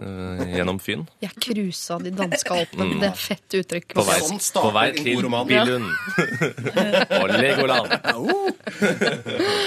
Ok, Vi skal ta eh, et eh, liksom, eh, familieproblem. Eh, det handler vel litt om hva det sorte fåret i familien. Jeg vil bare liksom, sjekke først om det er noen som er det i sin familie, så ikke dette blir for sårt. Ja. Er du det, Mathias? Sort? Ja, jeg var Jeg krangla mye mer med foreldrene mine enn f.eks. storesøsteren min. Uh, hun bare Nei, det jeg vet ikke. Det ble, var, noen, var noen år der Ja. hvor det var litt sånn nei, En sort får er en veldig sånn Man kaller jo ikke seg sjæl sort får. Jo, sånn- tror jeg mange gjør. Ja, jeg vet ikke. Nei, jeg vet ikke men jeg kan, kanskje jeg kan kjenne meg igjen litt igjen. Vi Ja. får se. Ja. Hva med deg, Siggen? Jeg føler at jeg er det. Eh, Søstera mi er lege. Lillebrutter'n er- lager roboter. Jeg vet egentlig ikke hva han driver på med. Eller, men ja, han lager i hvert fall roboter. Ja. Eh, så jeg føler at jeg er litt sorte for i familien. Ingen skjønner hva jeg gjør, på en måte. Nei. Nei. Jeg, det du gjør, er det eneste jeg skjønner i din familie. ikke sant. For å være helt det. Hva med deg da, Einar? Jeg er lysegrått eh, for, men eh, alle andre er så kritthvite. Å ja. Det er så plettfritt. Så Leger og advokater og sånn, de òg? Eh, og ja da. Ja, minst. Nå, ja, i hvert fall en lege på Det er en onkel som er lege. Ja. Hvem har ikke det, liksom? Alle har en onkel som er lege.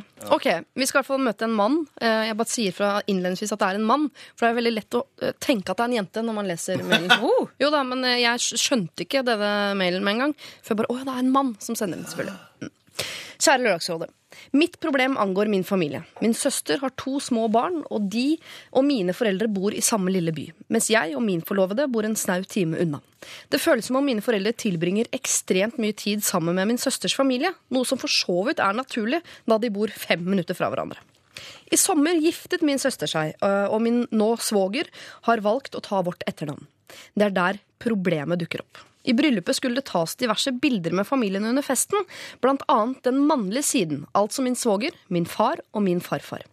Som eneste bror regnet jeg, øh, både jeg og en del av de andre gjestene det for å være helt naturlig for meg å være med på dette bildet. Men når jeg stilte meg opp, så kom det skarpt fra Bridezilla at jeg ikke skulle være med. Og når jeg spurte hvorfor, var forklaringen at jeg ikke var den siden av familien. Hvis jeg ikke er på samme side av familien som min far og min farfar, ja, hvilken side er jeg på da? Jeg fikk straks beskjed om å la dette ligge av min mor, noe jeg alltid gjør når jeg er uenig i ting. Etter dette følte jeg meg ikke velkommen på festen og endte med å gå gråtende hjem ved midnatt. Oi, oi, oi. Jeg har tenkt mye på hva som skjedde på den festen, og hva slags kommunikasjon jeg har med mine foreldre etter dette. Hvis mine foreldre ringer meg, er det som regel for å få hjelp med et eller annet, datagreier, eller for å fortelle et eller annet om barnebarna sine. Jeg føler rett og slett eh, at jeg har mistet foreldrene mine. Alt fokus er på min søster, og jeg sitter igjen som familiens IT-hjelp. Så kjære Lørdagsrådet, hvordan skal jeg få familien min tilbake? På forhånd takk, mann 24. Oi, Det oi, var oi. skikkelig Det var kjipt, ass. Ja, det var skikkelig Ikke på den siden av familien. Jeg skjønner ingenting av det. Nei. Man er, virker jo lei seg allerede i begynnelsen som, for Ja, at foreldrene er mer sammen med søsteren. Men altså, de bor i samme by, og det er barnebarn her, så den tenker jeg sånn Den kampen er tapt. Men utover det, liksom.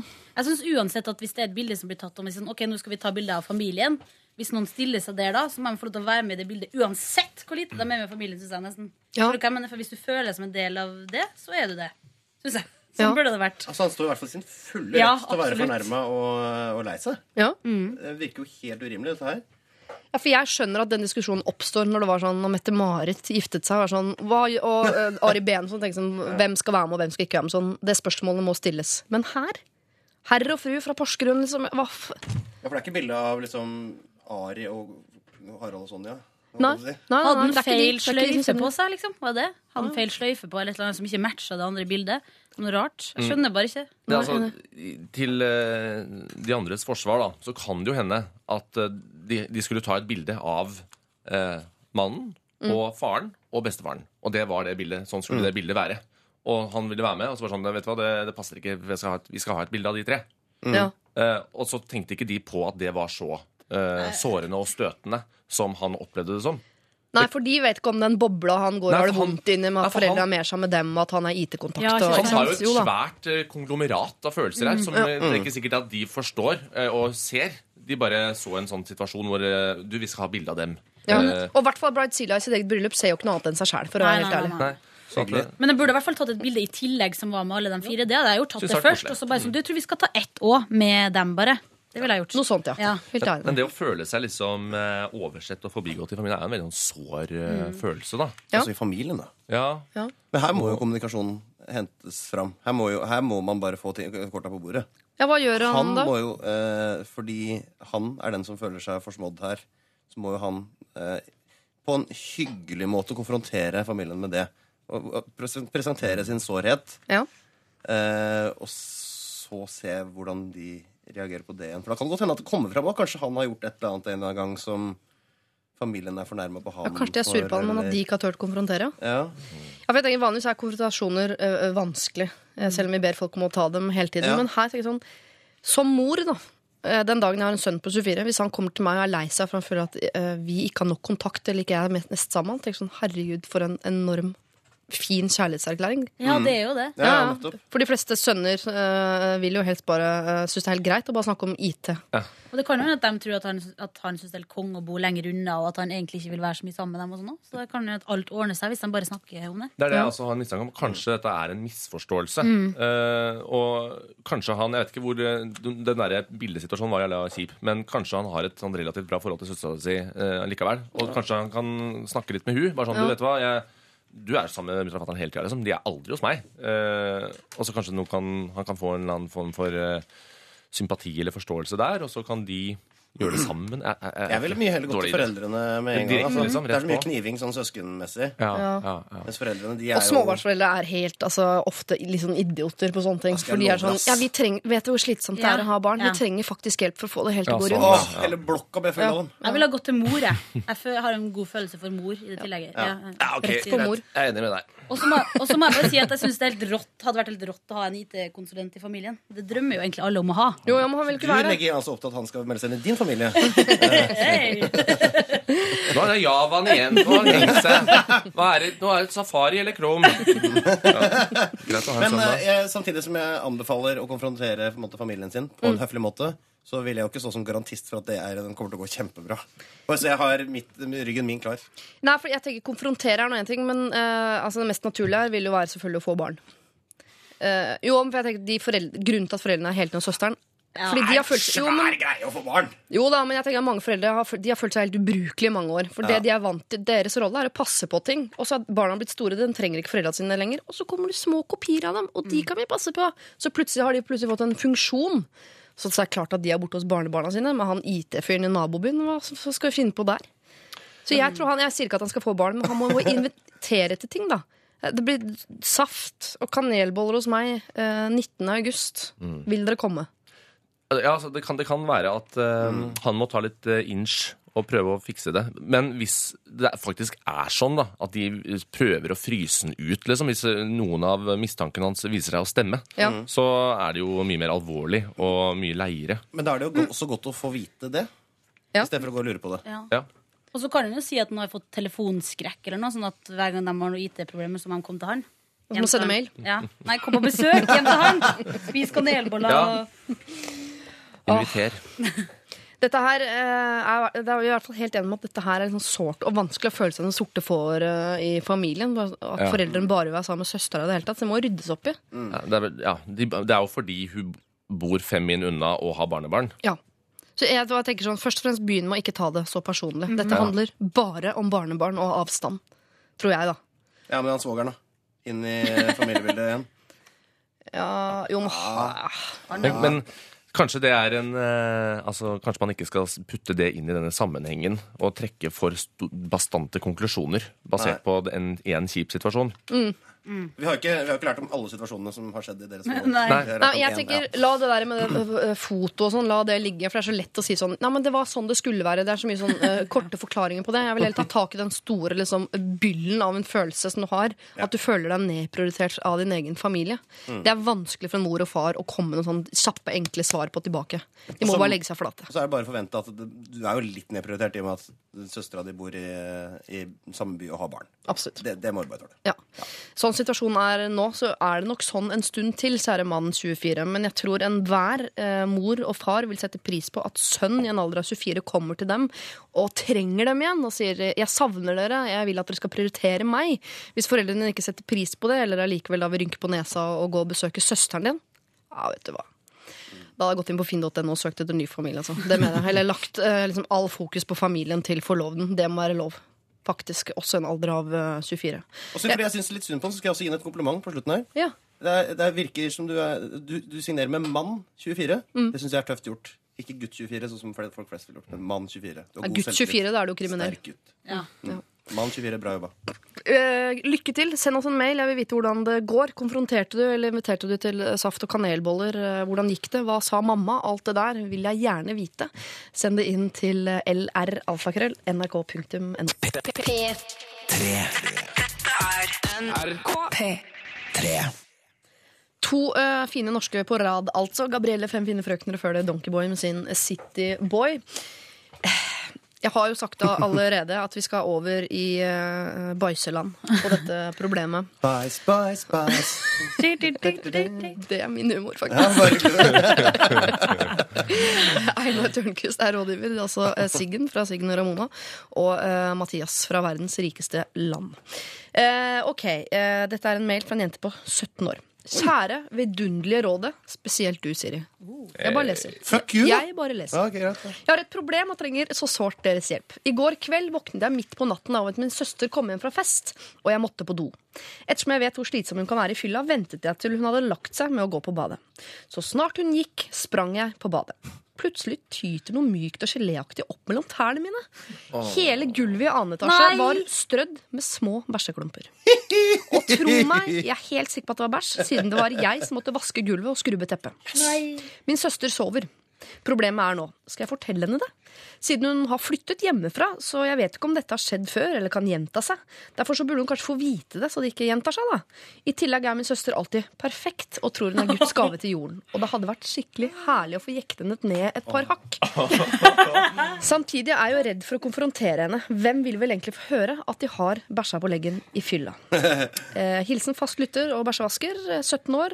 Min søster er 22. Men hvorfor i alle dager tok hun ikke masse bilder? Ja, Det vet vi jo ikke, men det håper Men Ah. der og da så tror jeg man er så sint og uh, liksom ute av sitt element at man bare vasker. Jeg vet ikke. Men det er jo så sjukt at hun nesten ikke kommer til å tro på det. Men hun må si fra om det. Ja. Absolutt. Også så gøy det kan bli. Ja, Hvordan sier hun fra som sånn 'jeg vil deg alt godt i verden', eller sånn 'fy faen, søster'? Jeg ville ha sagt fytti satan. Det der, nå må du slutte å bli så full at du bæsjer i huset. Men altså, masse små bæsjeklumper, da. Ja, Masse, masse, Kanskje du hadde med seg en sau hjem? kanskje ja. det. Ja. Kanskje trilla ut masse små Åh, for et fall! altså, for et fall. ja. Når den fem år yngre s- lillesøstera di kommer og forteller deg dette. ja. Det er, eh, det er ja. Jeg må, Ja, Med mindre søsteren er såpass kul at hun sier sånn Mulig jeg dreit, men hvem var det som måtte vaske? Ja. Det er det. Det er comeback, ass. Men ja, fy. Jeg vet ikke om jeg får lov til å si det her, så unnskyld, søster, hvis du hører på, men jeg må innrømme at jeg har vært litt lignende. Nei! Oi, oi, oi! Nei, men det var Jeg har en søster som ble tre år eldre når vi var litt mindre. Jeg måtte opp en morgen tidlig med trøkkspilleren og vaske utafor, for da hadde hun spydd på vei hjem fra en fest. Spydd av det. Ja, Ja, ja, ja, ja, ja. Men det var, veldig, det var veldig hemmelig for resten av familien. Så det var liksom, ja. Men, Men jeg men, jeg mener helt alvorlig at det er på en måte sukkerbiten Eller det er lønna for å vaske. For jeg har vært i en cirka-situasjon, situasjon, jeg også, men da ikke med en bror, men med en kompis. Vi var på hyttetur. Og jeg gikk opp i andre etasje, og det lukta så vondt. Og da har han sittet i en gyngestol og driti på en Nei. saueskinnsfell. Og da sa jeg til vi som var våkne da, jeg tar det. Jeg vasker rommet og stolen og saueskinnsfell. Jeg tar det. Mot, og det er- én ting jeg krever i lønn tilbake. Det er jeg som skal fortelle han det i morgen. Og det var så deilig. Når jeg sto opp dagen, og Han sto opp litt seinere også, ordentlig sånn klein. Jeg sa sånn, 'Husker du noe fra i går?' Så, Det var første gang vi møtte. Vi dro på en hyttetur for å bli sendt. Vi skulle sette opp en revy. Og da sier han 'Å, herregud, sorry, prøvde jeg meg på det?' eller noe sånt. Jeg bare Nei. Du bæsja i en gyngestol. Det Og det, ja, og det, jeg plager han med det fortsatt. Jeg forteller det til alle vennene hans. Gjør du Eh, det? og Ja, det tar Gjør jeg som det? lønn for at jeg skrubbet hans store mannebæsj. Det der skal jeg få kose meg med herfra ut. For det synes jeg altså, En ting er å si at jeg, Hun skal jo selvfølgelig få si det til storesøstera, men en annen ting er å dra det ut i offentligheten. Oi, oi, oi, på radio hvis du får muligheten. Ja. Mener du det? Ja.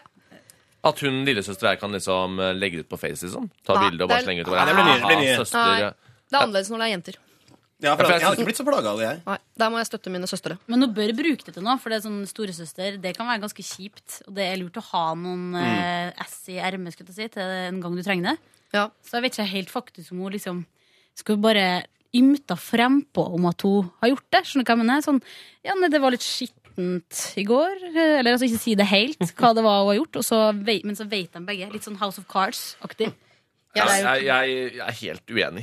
Jeg, altså, jeg føler at eh, siden dette er min, eh, min søster, så er det nesten litt meg òg. Det er liksom familie. Jeg føler okay. at jeg også blir eh, litt sånn b- sverta av denne episoden. Derfor ville jeg sagt det, men jeg ville ikke dratt det ut i offentligheten. Vi risikerer jo å bli bæsjesøstrene her. Vi, Ja, vi dropper er offentligheten, syns jeg. Så, så si det med et smil. Uh, Et og smil? med Ja, Hun skal få lov til å fryde seg litt Ja, med det. Altså. Jeg ja. mener, for det er jo noe skadefro i mailen, så hun, det er, det, muligheten er der. Ja, ja, ja. Det syns jeg hun skal få kose seg med. Og lat som det har skjedd mange ganger, med at nå er det nok.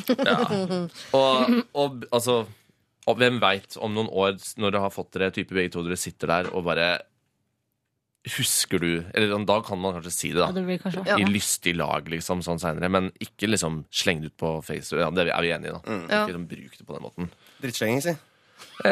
Jeg bæsja faktisk i buksa på kafé i Argentina 2. januar i år. Oi, Men la Men ikke, men la oss ikke snakke om det. Da var du syk. Da hadde jeg spist sånn, eh, de, disse berømte argentinske biffene. Ja. Uh, så bæsja jeg det rett ut i buksa mi. Så måtte jeg ned på badet eller på toalettet og skupe det i, i do. Så måtte jeg ta taxi hjem, kaste buksa og underbuksa og var tilbake i løpet av et kvarter. Oi! Fortsatte på, fortsatte på samme øl. Men eh, Siri, du er liksom uh, Du virker som litt sånn sadisten av oss her, som hadde brukt dette på best og mest Ja. utspekulert måte. Ja. Hva ville du gjort hvis du var eh, lillesøsteren? Jeg hadde i hvert fall eh, sagt det til søsteren min med eh, altså, det største gliset man kan sette opp. Eh, hadde vært broren min, så hadde jeg lagt det rett ut på Face. Eh, Insta, i det hele tatt. Men fordi det er søsteren, så hadde jeg ikke gjort det. Ok. Fordi det er liksom, Når det er gutter, så er det gøy. liksom Dere kan jo Ja, ja. fise og rape og holde på og kose dere i hjel fra den dagen dere blir født til dere dauer. Mens vi må liksom være fine da. ikke sant? Det, og det er jeg egentlig litt imot, men jeg, jeg støtter mine søstre på det. Hvis det er moren eller faren din. da. Hæ? Hvis det er moren eller faren din. Som hadde bæsja. Ja, på gulvet ditt. Uh, med fatter'n så føler jeg allerede på en måte har offentliggjort at han har bæsja på leggen ganske mye.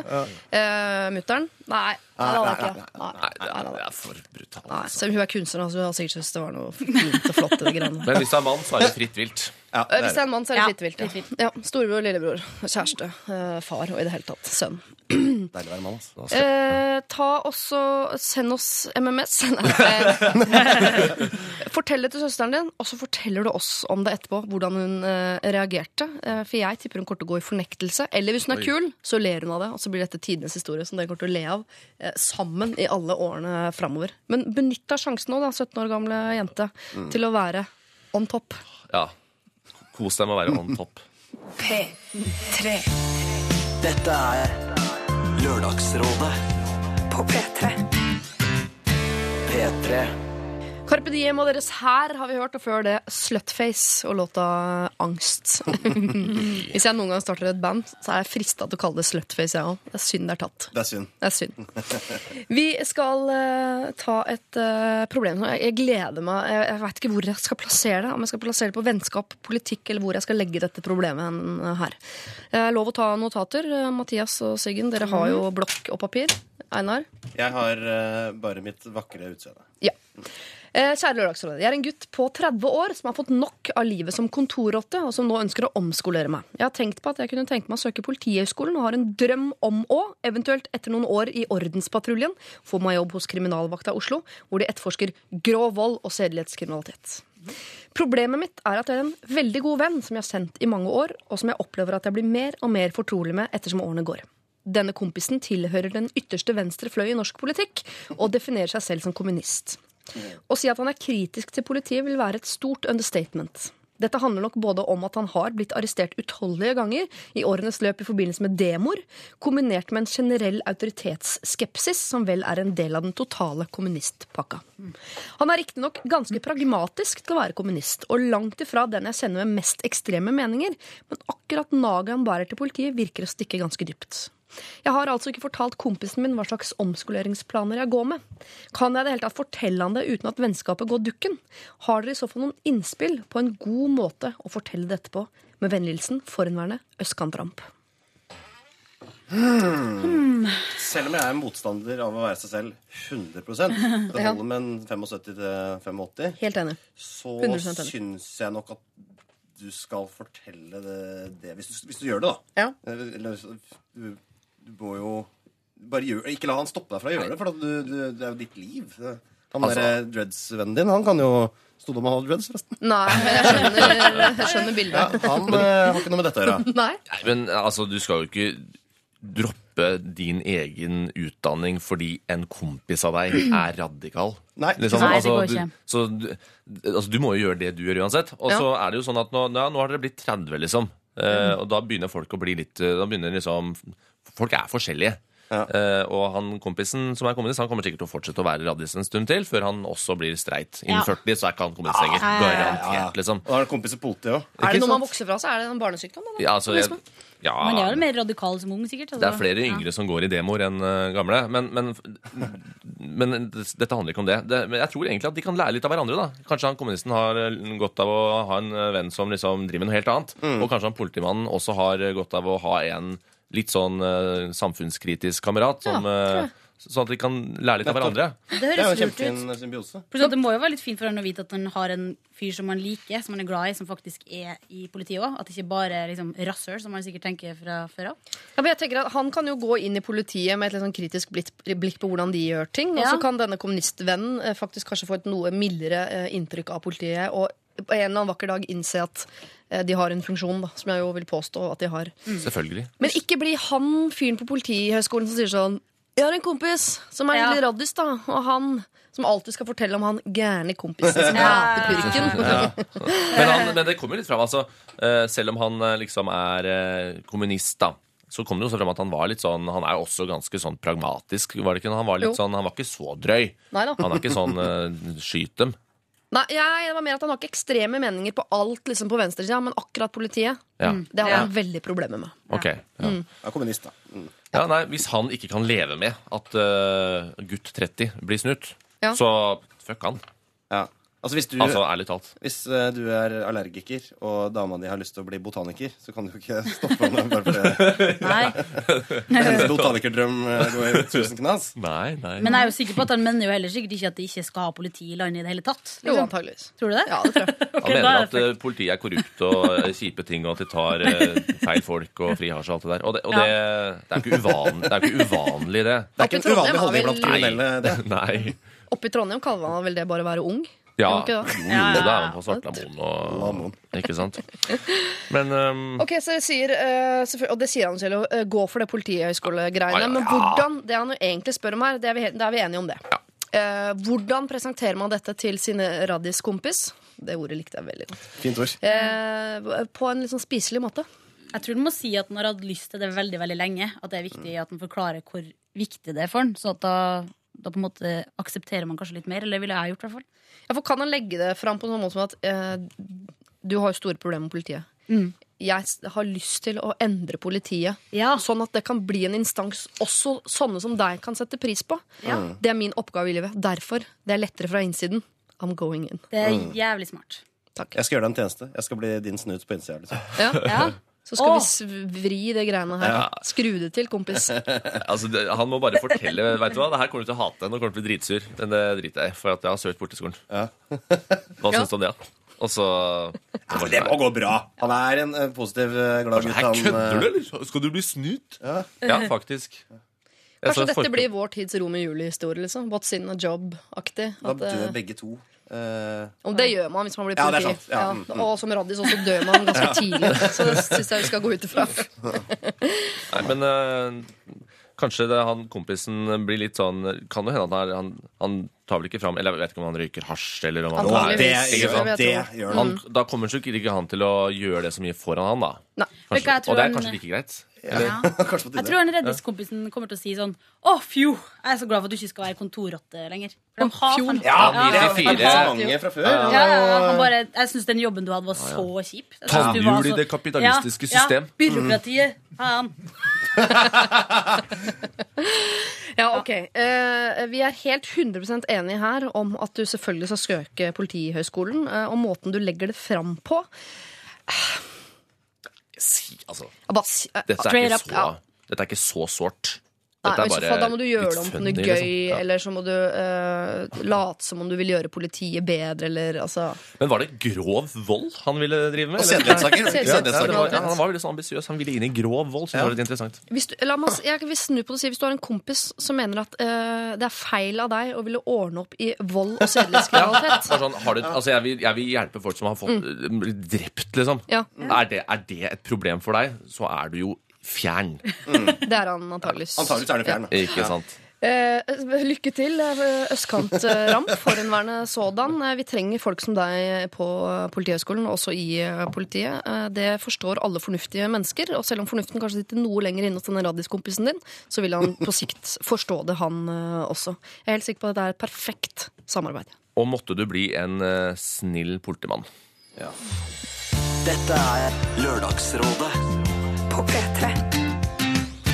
P3. Det var Wildman, det der med eh, CLMD og deres uh, venninne som heter Sirena, som sier i Trøndelag. Jeg vet ikke om dere husker det, men eh, før eh, sommeren så fikk vi en SMS fra en fyr som hadde et veldig konkret spørsmål. Han var 26 år gammel, singel, og eh, tenkte at et avstandsforhold ville vært perfekt. Og han trengte råd til hvordan han anskaffet seg eh, dette. Hvordan legger man fram at det er det man er på jakt etter? Ja, jeg vil ha et avstandsforhold. Dette var det en mann på 26 år som lurte på. Den gang da var det Solveig Kloppen, Gunhild Dahlberg og Rune Gokstad som var her, og de hadde følgende råd å gi. Han er redd for å få det på, for tett på før han vet at dette er verdt å satse på. Han vil ha i pose og sekk i begynnelsen. Ja, Ja, Han vil ha sin frihet, men også ha tilgang til varene. Fins det ikke internett for sånne ting? Altså, er det, det, ja. Ja. Men det å reise, altså dra, være litt sånn avstandsforelsket, som man mm. Ja, liker, ja. er kanskje ikke riktig bruk av det uttrykket, men å, men å sette seg på fly eller tog og reise, og så møtes man, og så har man liksom sånn disse Det intense. Mm. Skal man dra tilbake? Jo, jeg, det, jeg syns han er kravstor, men jeg, har jo, jeg skjønner jo fyren òg. Men tror vi at mann 26, hvis han treffer da en dame som han er interessert i, og hun er interessert i, at kanskje det der med avstand ikke blir så viktig for han lenger? Det kan hende. Men det høres ut som han er en sånn fyr som kunne tenke seg en sånn kjæreste som er 1,50 høy og flat oppå hodet, så kan sette fra deg sixpacken, ikke sant? Og sånn, når, du har, når du har drukket opp den, forvandler seg til en film og en pizza. Skjønner du? Altså, jeg syns han, han, han legger litt mye 'jeg vil ha det, jeg vil ha det, for jeg vil ikke ha det, og jeg vil ikke ha det'. Jeg syns han virket eh, Han driver og krysser av på en bestillingsliste her, syns jeg. Dette er Lørdagsrådet På P3. P3. Og det var eh, med glede at jeg åpnet mailboksen min eh, når jeg kom tilbake fra ferie, og fikk da eh, mail blant annet fra denne mannen Yngve, som kunne fortelle Hei, Lørdagsrådet. Det er en stund siden, men omsider har det kommet oppdateringer. Jeg har fått meg kjæreste, og hun er verdens beste. Vi har vært sammen noen måneder, og nå har hun flyttet. Jeg har altså fått det jeg ville. Det viser seg imidlertid at dere hadde rett som vanlig. Jeg skulle aller helst ikke hatt et avstandsforhold. Kanskje jeg har vokst, eller kanskje jeg har funnet en person jeg faktisk vil være med. Hun skal altså bo et år i en europeisk storby i første omgang, og måten jeg takler det på, er at jeg får handlet meg fram til en rotasjonsordning med jobben, med hjemmekontor derfra. Denne dama slipper ikke unna. Takk for rådene sist, selv om jeg trassig lot være å følge dem. Ha en fin lørdag. Hilsen eh, Yngve. Så bra, Yngve, at du innser dine feil, og enda bedre at det viser seg at Lørdagsrådet hadde rett. Om vi klarer det igjen, det er jeg usikker på. Om du får uh, følge med etter uh, Donkeyboy og Gabrielle. Om vi klarer å hjelpe en uh, jente som har problemer med ikke sin egen avføring, men sin søsters. P3. Dette er Lørdagsrådet På P3. P3. Det uh, Nei, sorry. Var broiler? Ray of Lights. Sorry, jeg tenkte at det var Madonna. Ja, nei. Ja.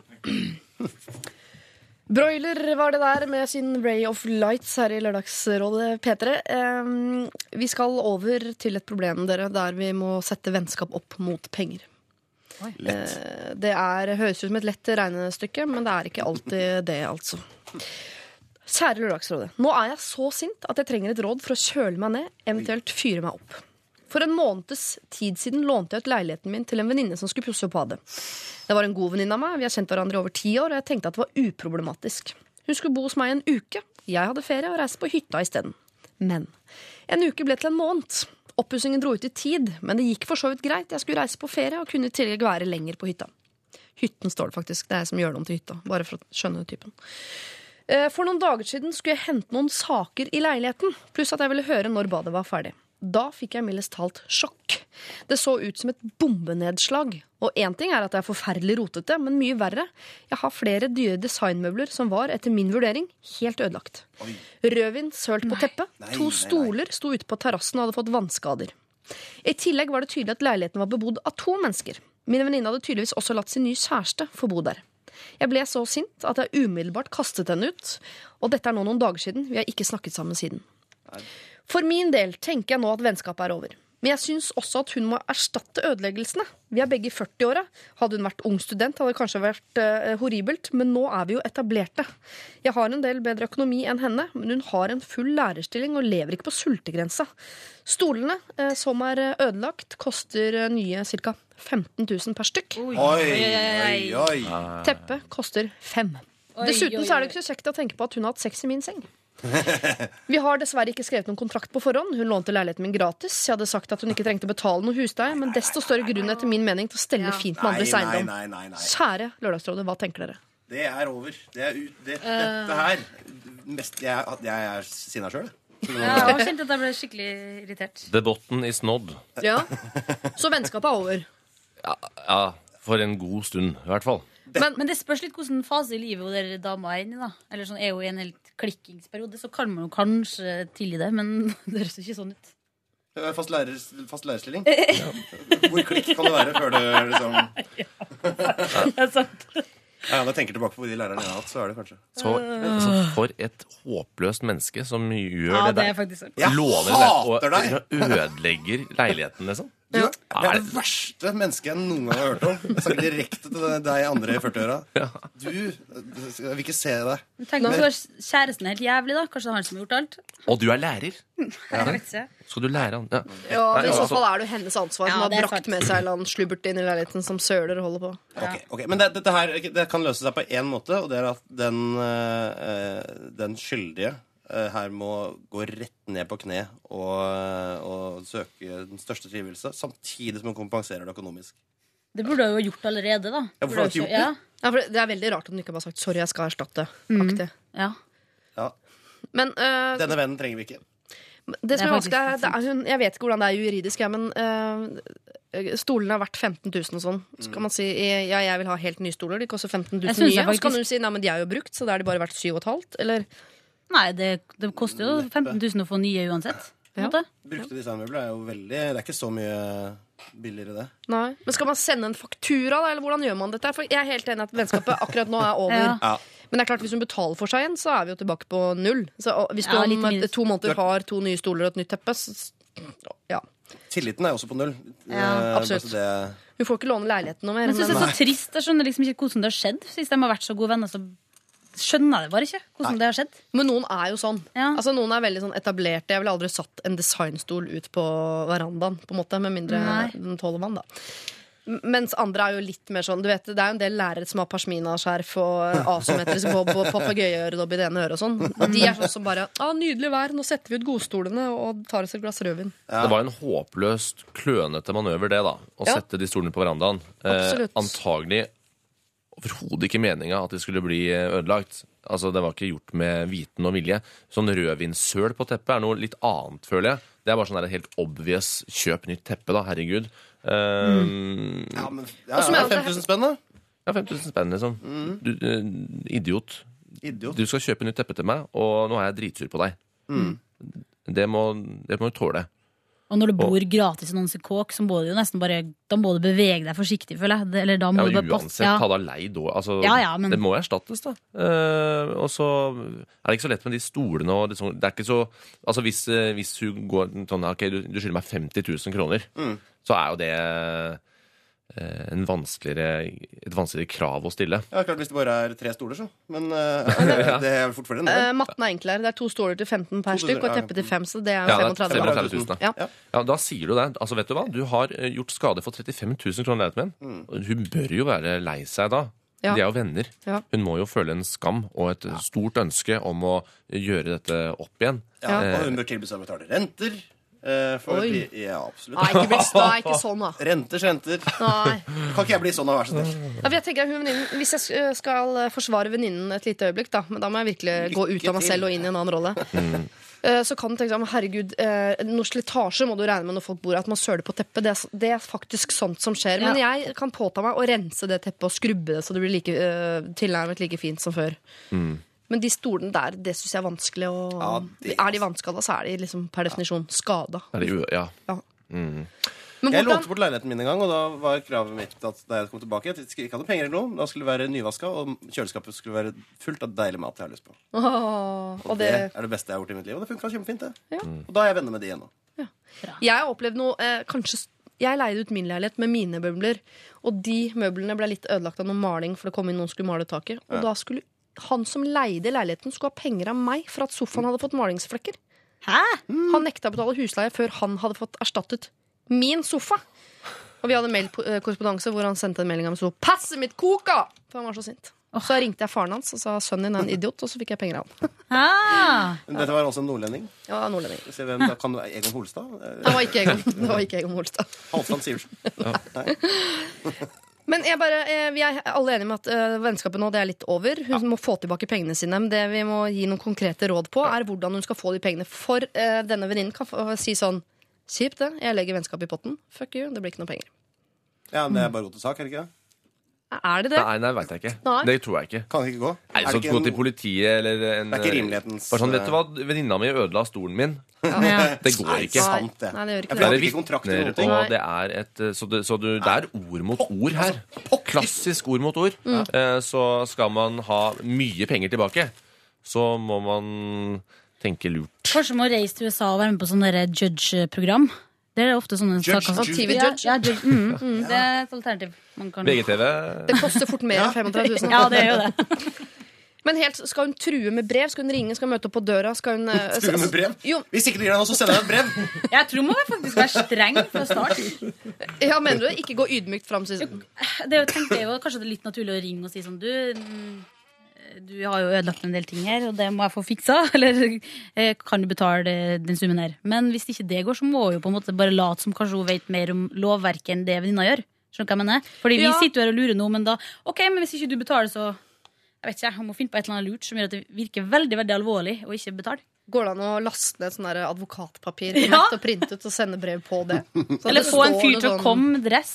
Ja. Eller st- Å, så stress. Ja. Ja. Stress, Veldig stress. Um, Jo, men vi må, vi må Ja. ta med i regnestykket her at hun venninnen kan være skikkelig dust. Ja. Så hvis hun uh, går inn i dette her med sånn vennskapet er over, for pengene, så kan venninnen si sånn ja, men da, da gidder jeg ikke gi deg pengene eller hvis vennskapet uansett er over. Ja, ja, da hun sitter sånn, ok, jeg lånte leiligheten, og nå vil hun ha 35 000 kroner for at det kom noe vann på stolen. Ja, men jeg Altså, tenker sånn- Hvis det er sånn jeg vil bevare vennskapet, men jeg må få erstattet de tingene, Ja, så ja. kan det være du sier ok, ja, det, det skjønner jeg. Men så er det sånn, jeg vil aldri se deg igjen. Jeg vil bare Ja. se 35 000. Da er det veldig mye lettere å vise fingeren og si ja vel, prøv å ta det til rettssaken, da. Ja, kanskje bare si det og si sånn at du kan betale ned i tre summer, eller altså, være litt game. kanskje. Månedlig nedbetaling. Ja. Det er Da er vi oppe på renter og renter. Ja. det er jo- Du skal ikke tjene er- penger på det. Vi er rett og slett litt der at det er penger eller vennskap. Og, og det er jo penger som er viktigst. Uh, Det er vi jo enige om, er vi ikke det? Kommer litt an på vennskap vennskapet. Ja, ja, kommer litt an på vennskapet. Ah, her har jeg gått for pengene, faktisk. Ja, så Da, men da må du late som at du er litt uh, venn, da. En stund til penga er betalt. Ja. Og så bare gradvis eh, utfase denne personen, sånn at eh, hun ikke viser seg å være et mirakuløst mye bedre menneske etter en periode. Ja. Jeg har bare tre til fem venner som har vært mer enn 35 000 kroner. Holder lenge, det. Ok, så huseier her, eh, kjære innsender. eh, Vi skjønner at du tenker at vennskapet er over, men kanskje du ikke skal eh, eksplisitt si det så høyt til venninnen henne, fordi hun virker jo som en ubrukelig dame, så da kan det være at du ikke ser de pengene. Her må du gå litt listig fram for å skaffe deg pengene tilbake, og vi mener du skal ha 35 000. Altså uh, cash tilbake. Uh, og faktisk også hvis det er sånn at du må bestille på nett og få det transportert hjem og det hele tatt. Ja, koster penger. Den regninga hadde jeg også sendt. Og så er det fort sånn tolv ukers leveringstid. Ja, ja, ja. Ja, Bare da må du bo på hotell. Ja, da må du på hotell. Ikke bli storhetsgal midt oppi det hele. Eh, så her, Vi er helt enige om at du trenger å få pengene tilbake, men prøv på en litt hyggelig måte først. Og så får du heller bare peise på med noe mer sånn uh, trusler om brev. Trusler om brev. Ja. Vi glemte jo helt å gå inn på hevn, da, for det er også veldig gøy. Men uh, ja, ja. Tror noen av dere at hun kommer til å få de penga? Nei, nei, nei, nei, nei. hun derre droget der hun kommer ikke til å betale deg en krone. jeg tror Jeg kjenner deg ut og inn. Nei, jeg skjønner ikke, jeg kjenner ingen lærere som ville gjort det der. Så jeg ble overraska. Altså betalt eller ødelagt? Ødelagt ting på den måten. Hva tror du hun underviser i? Det må være forming. Ja, forming. Men forming. sløyd? Lage nye stoler? forming. Eh, bare stå på ditt, altså. Du har i hvert fall fire stykker her på din eh, side. Og helt sikkert også alle våre lyttere, som jo er en sted mellom 700 og 800 000 mennesker. Det sted mellom syv mennesker og 800 000 mennesker. Lykke til. Dette er Dette er P3.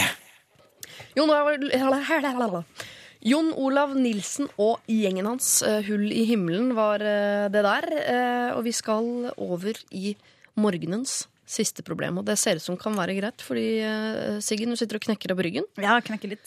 Du sitter og strekker deg, Mathias. Ja, og så har jeg kommet på at jeg har ikke spist det ennå. Nei, det er dumt. Ja. det er dumt. Jeg har en pose sånn sukkererter her, som er ekstremt litt radiovennlig sånn lydmessig, men du kan få. Ja, nei, jeg går for noe annet etterpå. Går for noe annet etterpå. Einar, du Sessen, det er den som på en måte egentlig har best sånn uh, utholdenhet hva radio angår, som jo er rart, i og med at du ikke jobber med radio. Ja, det er rart med det. Ja. Men det, kanskje du bare er Det er jo likt litt med at jeg er såpass Jeg har ganske høy promille. Ja, ok. bra. Det er fint. Og høy Kjære høyde. Rådet. Jeg har blitt uplanlagt gravid og har bestemt meg for å beholde barnet. Jeg bor med barnefaren, og alt er i skjønneste orden. Men det har gått veldig fort. Jeg gjorde det slutt med eksen min for bare seks måneder siden. Oh! Det har vært mye fram og tilbake mellom oss i mange år, men nå er det helt over. Selv om han for under en måned siden nevnte at han fortsatt elsker meg, og at han derfor ikke ønsker å ha kontakt. Eller orker å ha kontakt. Så nå har vi lite kontakt, og han vet verken om min samboer eller min graviditet. Skal jeg fortelle han om eh, dette, eller skal jeg la han finne det ut fra andre? Jeg trenger desperat hjelp, da jeg ikke engang jentegjengen min har svar på hva jeg skal gjøre. Hilsen gravid jente, og resultat av at kondomen sprakk. Ok, Hun virker ikke superhappy for det der ungegreiene, men drit i det. Hun prøver her å eh, ta hensyn til sin eks, som fortsatt tydeligvis elsker henne og er lei seg, og ikke engang vet at hun har fått ny type. Ikke bare en ny type, hun er også gravid.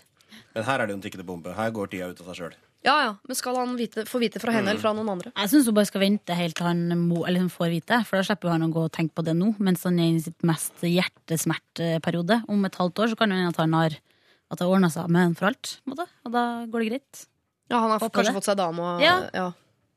Ja, bare vente. Ja. Eh, tid legger jo veldig mange sår, da. Eh, men eh, hvis hun ikke Hvis jeg forteller det nå hmm, Er det så ille, da? Å fortelle det? Det er jo Men han har jo sagt at han ikke vil ha, han vil ikke ha kontakt, for han elsker henne så mye. Og da tenker jeg sånn, ok, men da, hvis du skal tenke litt svart-hvitt, så vil han faktisk ikke ha kontakt nå. Så da lar jeg han bare finne ut av det når vi møter på han i Karl Johan, eller Ja. et eller annet med kidden i Trillebår. Si. mm, Det hadde jeg glemt at sto i eh, brevet. Hva da? At Ikke eh, han, kontakt? Han, ja, han ikke vil ha kontakt. For da, da løser det seg jo litt eh, skal ikke hun bare, Da kan hun alltid unnskylde seg med at Men du sa jo at du ikke ville ha kontakt. Ja. Det er ikke Aksel Hennie som har sendt øh, denne her. Jo, stå er det står ikke, står det? Hennie. Han ikke, det er sånn, sånn, sånn derre- for noen er jo et brudd verre enn andre når øh, kjæresten ender opp med å ha unge veldig kort tid etterpå. Det er, Ja. sånn ekstra, ekstra salt i såret, liksom. Det er jo det. Ja. Eh, men det er jo liksom ikke noe å gjøre med heller. For uh, hun her. Nei, Nei. men det går an Og Jeg bare tenker sånn, jeg ville heller fått vite det per telefon, sånn at jeg kunne gråte mine bitre tårer i min egen sofa, enn sånn på Karl Johan, hvor jeg i tillegg må late som sånn Ja, men gud, så søt han Sigurd var, og jeg må bare inn på uh. Ja, eller på en fest med masse venner eller noe der du får vite om det. Det er litt sant, det der, da. Ja. At, at hun liksom skylder den såpass å si det sjæl. Ja, en Sånn øh, heads up. ja. Jeg tror jeg mener å huske, nå er det lenge siden, at jeg eh, med min ekskjæreste ønsket å på en måte eh, få vite det fra han når han traff en ny. Jeg bare Ja. tenker at Hvis man har det i seg, så kan man være så raus at man, at man Dette er jo, dette er jo et dilemma. Her er det to ting som altså Ingen av delene er gøy her. Nei. Eh, men jeg, jeg føler da Jeg ville da anbefalt å bare gjøre så, det han har sagt. Ikke ha Ikke kontakt. ta kontakt. Men for å Nei, være grei mot han eller seg sjøl, eller Nei, Jeg ikke skjønner bare det er fordi at jeg er veldig glad. Jeg synes det, det er, han har jo lagd den regelen. Ok, så Han har, det, ikke, han har det, ikke skrevet inn en paragraf om bortsett fra hvis du blir gravid. nei, men så Du tar hensyn til han nå når du går for den løsningen? Jeg tror det. Ja. Ok. Det spør- Jeg synes det spørs litt på hvordan forhold det har vært. Da. Om det har vært veldig veldig lenge, hvis det er sånn fire år, sju års greie. Så føler jeg på en måte at de, er, de har vært liksom en slags sånn sjelevenner i en lang periode. Da er det liksom Da bør man kanskje si det. Men jeg, vet- jeg syns det er veldig vanskelig. Jeg vet ikke helt hva jeg hadde likt best sjøl, fordi jeg blir veldig sånn Selv om jeg egentlig ikke er, trist over at jeg har avslutta noe med noen, så blir jeg veldig lei meg med en gang jeg hører at de er sammen med noen andre. Da Ja. føler jeg meg plutselig skikkelig, skikkelig stusslig. Så det er noe der at han trenger, liksom, trenger han å gå og være lei seg for det før han egentlig må det. Nei, jeg ville ikke, fått- jeg vil ikke fått vite det. Jeg skulle, jeg ønsker meg ikke vite det sjøl. Er ikke det en grei detalj å få med i sorgprosessen sin? da? Kanskje det gjør at han kommer fortere over? da? Sånn, å ja, hun var på den bagen. Kanskje, La oss nå håpe at han er en fyr som ikke vil ha barn. Da tenker han, åh, Ja, Takk og lov, digg da meg. da, i hvert fall. Um, men altså, hvor, er det noe alder her på dem? Nei. Og ikke hvor lenge de har vært sammen heller. De var sammen. Nei, det er, eh, altså, De var sammen for seks måneder siden, så det er ganske nytt brudd. Så det med Ja. at man har truffet en ny og blitt samboer og Ja. fått barn og sånn, det gikk fort. Den er fort, men Ja. var, det, var de De var ikke sammen i fem år, liksom? Det Ja. vet vi ikke. Aner jeg ikke. For, ja, det, det er, hvis, jeg er han, hvis jeg hadde vært han som da ikke var sammen med henne mer, så hadde jeg eh, prøvd å unngå å tenke på at hun har sex. Mm. Og det blir jo veldig åpenbart hvis du skal fortelle at du har blitt gravid. Det er som å ringe og si Hei, vet du hva? Jeg har masse sex. Ja. Masse deilig kreativ eh, sex. Stående eh, back to back 69 hver eneste dag. Oh, yeah. eh, bor de i samme by og sånn? De- Vet du hva, Jeg vet ikke noe Nei, mer Nei, enn jeg har sagt høyt. Jeg ass. skjønner. Eh, det, går jo, ikke- for det, går, altså, det går jo ikke an å skjule for alltid. Nei, nei, nei, nei. nei. Det kommer jo en unge. Men ehm, Jeg syns bare det er et rart hensyn å ta. da Jeg later som jeg ikke har truffet en ny, eller at jeg er gravid. For det er best for han. Ja, og så er det jo veldig fælt og hvis hun ikke føler at hun kan liksom drive og skryte på Facebook, legge ut masse søte bilder av magen sin, og sånn, hvis det er det hun har lyst til, da. Ja. Fordi hun tenker sånn å nei, da sitter han der på Hun må jo liksom glede seg i sin egen graviditet. Ja, Nå høres det ikke ut som hun er der ennå. For å være helt ærlig. Men du ha men hun burde, hun, hun burde jo ta noen grep for å i større grad havne der, da. For sin egen eh, del. Ja. Uh, og, og det å være litt sånn åpen og offentlig om at eh, jeg skal få barn. Ja. Eh, og jeg er veldig spent. Og herregud, det var ikke planlagt, men eh, Tut og kjør! det var ikke jeg heller. Liksom, bare sånn, eh, Samme det. Mm. Og da må du jo fortelle det til eh, eksen også. Men Skal hun da fortelles unnskyldende eller med masse glede? Um, det er ikke masse glede Altså sånn Middels. Ja, Det går ikke an å ringe meg sånn Hei, jeg er sinnssykt happy, jeg skal få barn. Eh, jeg vet ikke. Jeg vet ikke. Hvis hun absolutt må fortelle, det, ikke ring. Gjør det skriftlig. Altså på mail, eller Ja, for det er mindre inngripende. Ja. Sånn Ja, det er sant, for det er litt kjipt å bli ringt opp, og så må du vise en gang til hvor Ja. jævla fuck du er fordi dere ikke er sammen lenger. Og Så må du reagere spontant. Mens når du får det på, på brev, så kan du liksom Eller, eller eksempel en elektronisk variant av brev, da. Ja. Så kan du da ta deg tida Da kan du skrive 'mottatt'. Ja, Hilsen. ja OK, det, er- det er greit. Jeg mener at SMS-en sånn rent teknologisk har vært vår venn såpass lenge nå at den er oppe på nivå med telefonsamtalen, nesten. Jeg, jeg synes det er veldig mye som er lov på SMS nå, som ikke var greit for fem år siden. Så dette her er for meg en soleklar SMS. Ja, jeg tenker faktisk Jeg en, ja, ja, ja, Greit. Jeg tenkte Facebook-melding sånn umiddelbart. eh, Jeg tenkte- syns skrev et brev, jeg. Nei, da blir du så inn... Ja, det- Men samme det, men si fra, da. Ja. Er det det? Vi sier eh, fra, vi gir beskjed. Har alle snudd nå uh, over på at hun skal si fra? Eller? Nei, jeg syns ikke hun skal si fra. Jeg syns hun skal vente, og hvert fall eh, vente i hvert fall til det er sånn at det er helt bankers med graviditeten. At hun har fått en stor, god mage, og at det er noe alle vet. For sånn det er nå, så virker det jo som at kanskje ikke er sånn at alle vennene hennes vet engang. Eller sånn, skjønner du? Ja, ja. Fortsatt litt, litt eh, Tenk å ringe privat. han først. Nei, Liksom. det Ja, er han, ikke han, har nødvendig. ikke, han har ikke krav på å vite det før de andre. Det føler Nei. ikke jeg heller. Han, han har krav på å vite det sånn Er det ikke tolv uker? Sånn tre, når det går sånn tre-fire måneder her? At man begynner å fortelle? Lekke litt, ja. Og da er det en av de du tar det til først. I sammenheng med at du liksom går ut. Nå går jeg ut med det. Ja. Ja. Og det er den vondeste beskjeden. For de aller fleste så blir jo dette en eh, gladsak. For Ja. han er det ikke det, og det må du ta hensyn til ved å være litt eh, ja, vise litt respekt og sende en eksklusiv eh, beskjed som tar hensyn til hans situasjon. Ja, jeg synes Når en jente ringer inn og eh, ber om råd i retning av at hun faktisk stiller på veldig sånn giverside her, jeg har lyst til å gjøre det rette, så syns jeg vi skal gi henne det lille dyttet hun trenger for faktisk gjennomføre det, og ikke bare bli ved tanken. Sorry, Einar, du er, der er du nedstemt. Og Siggen, du òg litt, ass.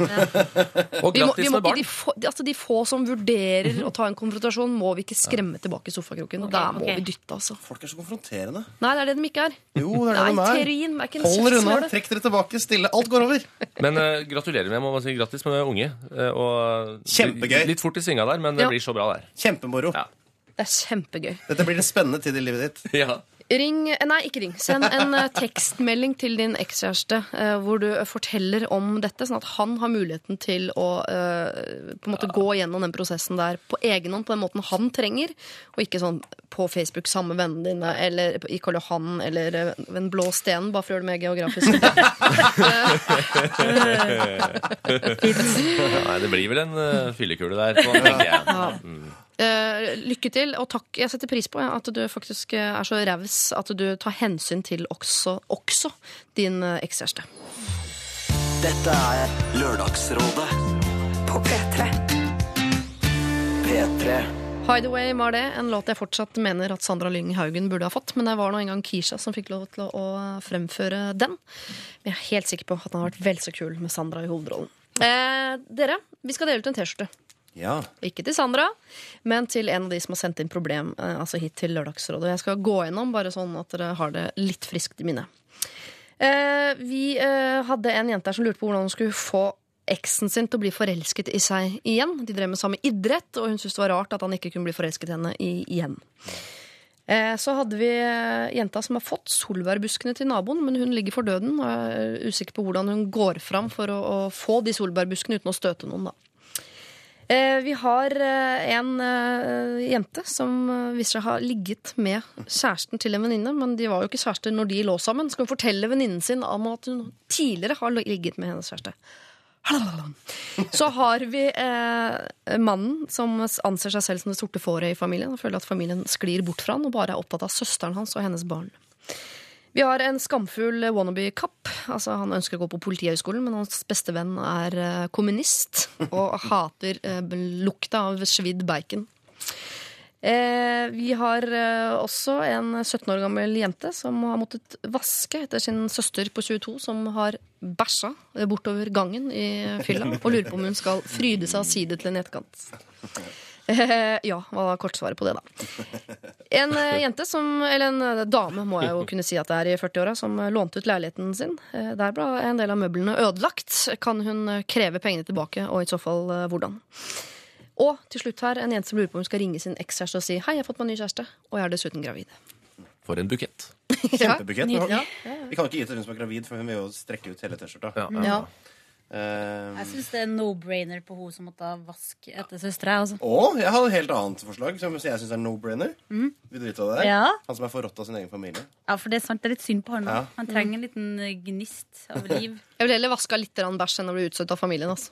Ja, det er sant. Men gud forby oss å gjøre begge deler. i hvert fall. Men er han utstøtt av familien, eller er det bare en misforståelse? En, men eh, han, uansett, han føler Han det sånn. føler det. han føler føler han har det vondt. Jeg ser den. Mm. Og en T-skjorte er for, det, det erstatter ikke 35 000 kroner. Det blir nesten bare et hån. Hun har så ikke dyre P3-T-skjorten. Nei, det er sant. Det stiger jo verdi. Jeg eh, er med på lillesøster som eh, måtte vaske, altså. Ja, så jeg er jo da tvunget ut uh, Nei, jeg- overhodet ikke. jeg- For jeg tar dissens. Jeg tar dissens. Jeg støtter familiemannen. jeg. Det Jeg er tror jeg sånn. må bli enig, så må få bare se hvor lenge Det, dere det, gidder å sitte er ikke aktuelt. Jeg kommer ikke til å bli med. Men er ikke, har ikke du dobbeltstemme, Silje? Er ikke det som er greia? Nei, jeg har ingenting jeg skulle sagt. Du har ingenting du skal ha sagt, nei? Du, det er vår produsent. Har vi to? Nei, vi har bare én T-skjorte.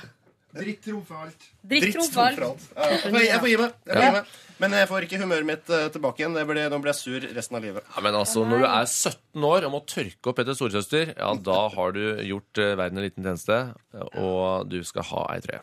For en ekstremt barnslig gjeng vi har med oss i dag. Det blir T-skjorte til eh, deg, 17 år gammel, som har vasket opp bæsj etter storesøsteren din.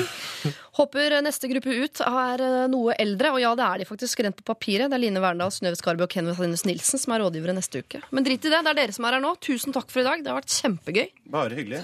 Jeg koste meg i hjel. Familiefyren kan sende meg en innboksbeskjed på, på Facebook, så skal jeg ta og sørge for at du får en T-skjorte. Har dere Tørnquist-T-skjorter? Eh, Jeg har T-skjorter, masse T-skjorter hjemme som ikke er Som ikke passer lenger. Du kan få en gammel T-skjorte av Tørnquist som ikke passer eh, lenger, hvis du sender han en melding i innboksen. Eh, tusen takk for i dag. Husk at dette programmet kan podkastes som alle andre radioprogrammer i verden, tror jeg, for øyeblikket. Dit har teknologien eh, kommet. Eh, og kos deg videre utover dagen eh, med alt som beveger seg her på P3. Takk for det. Ha det. Ha det! Ha det! Dette er NRK P3.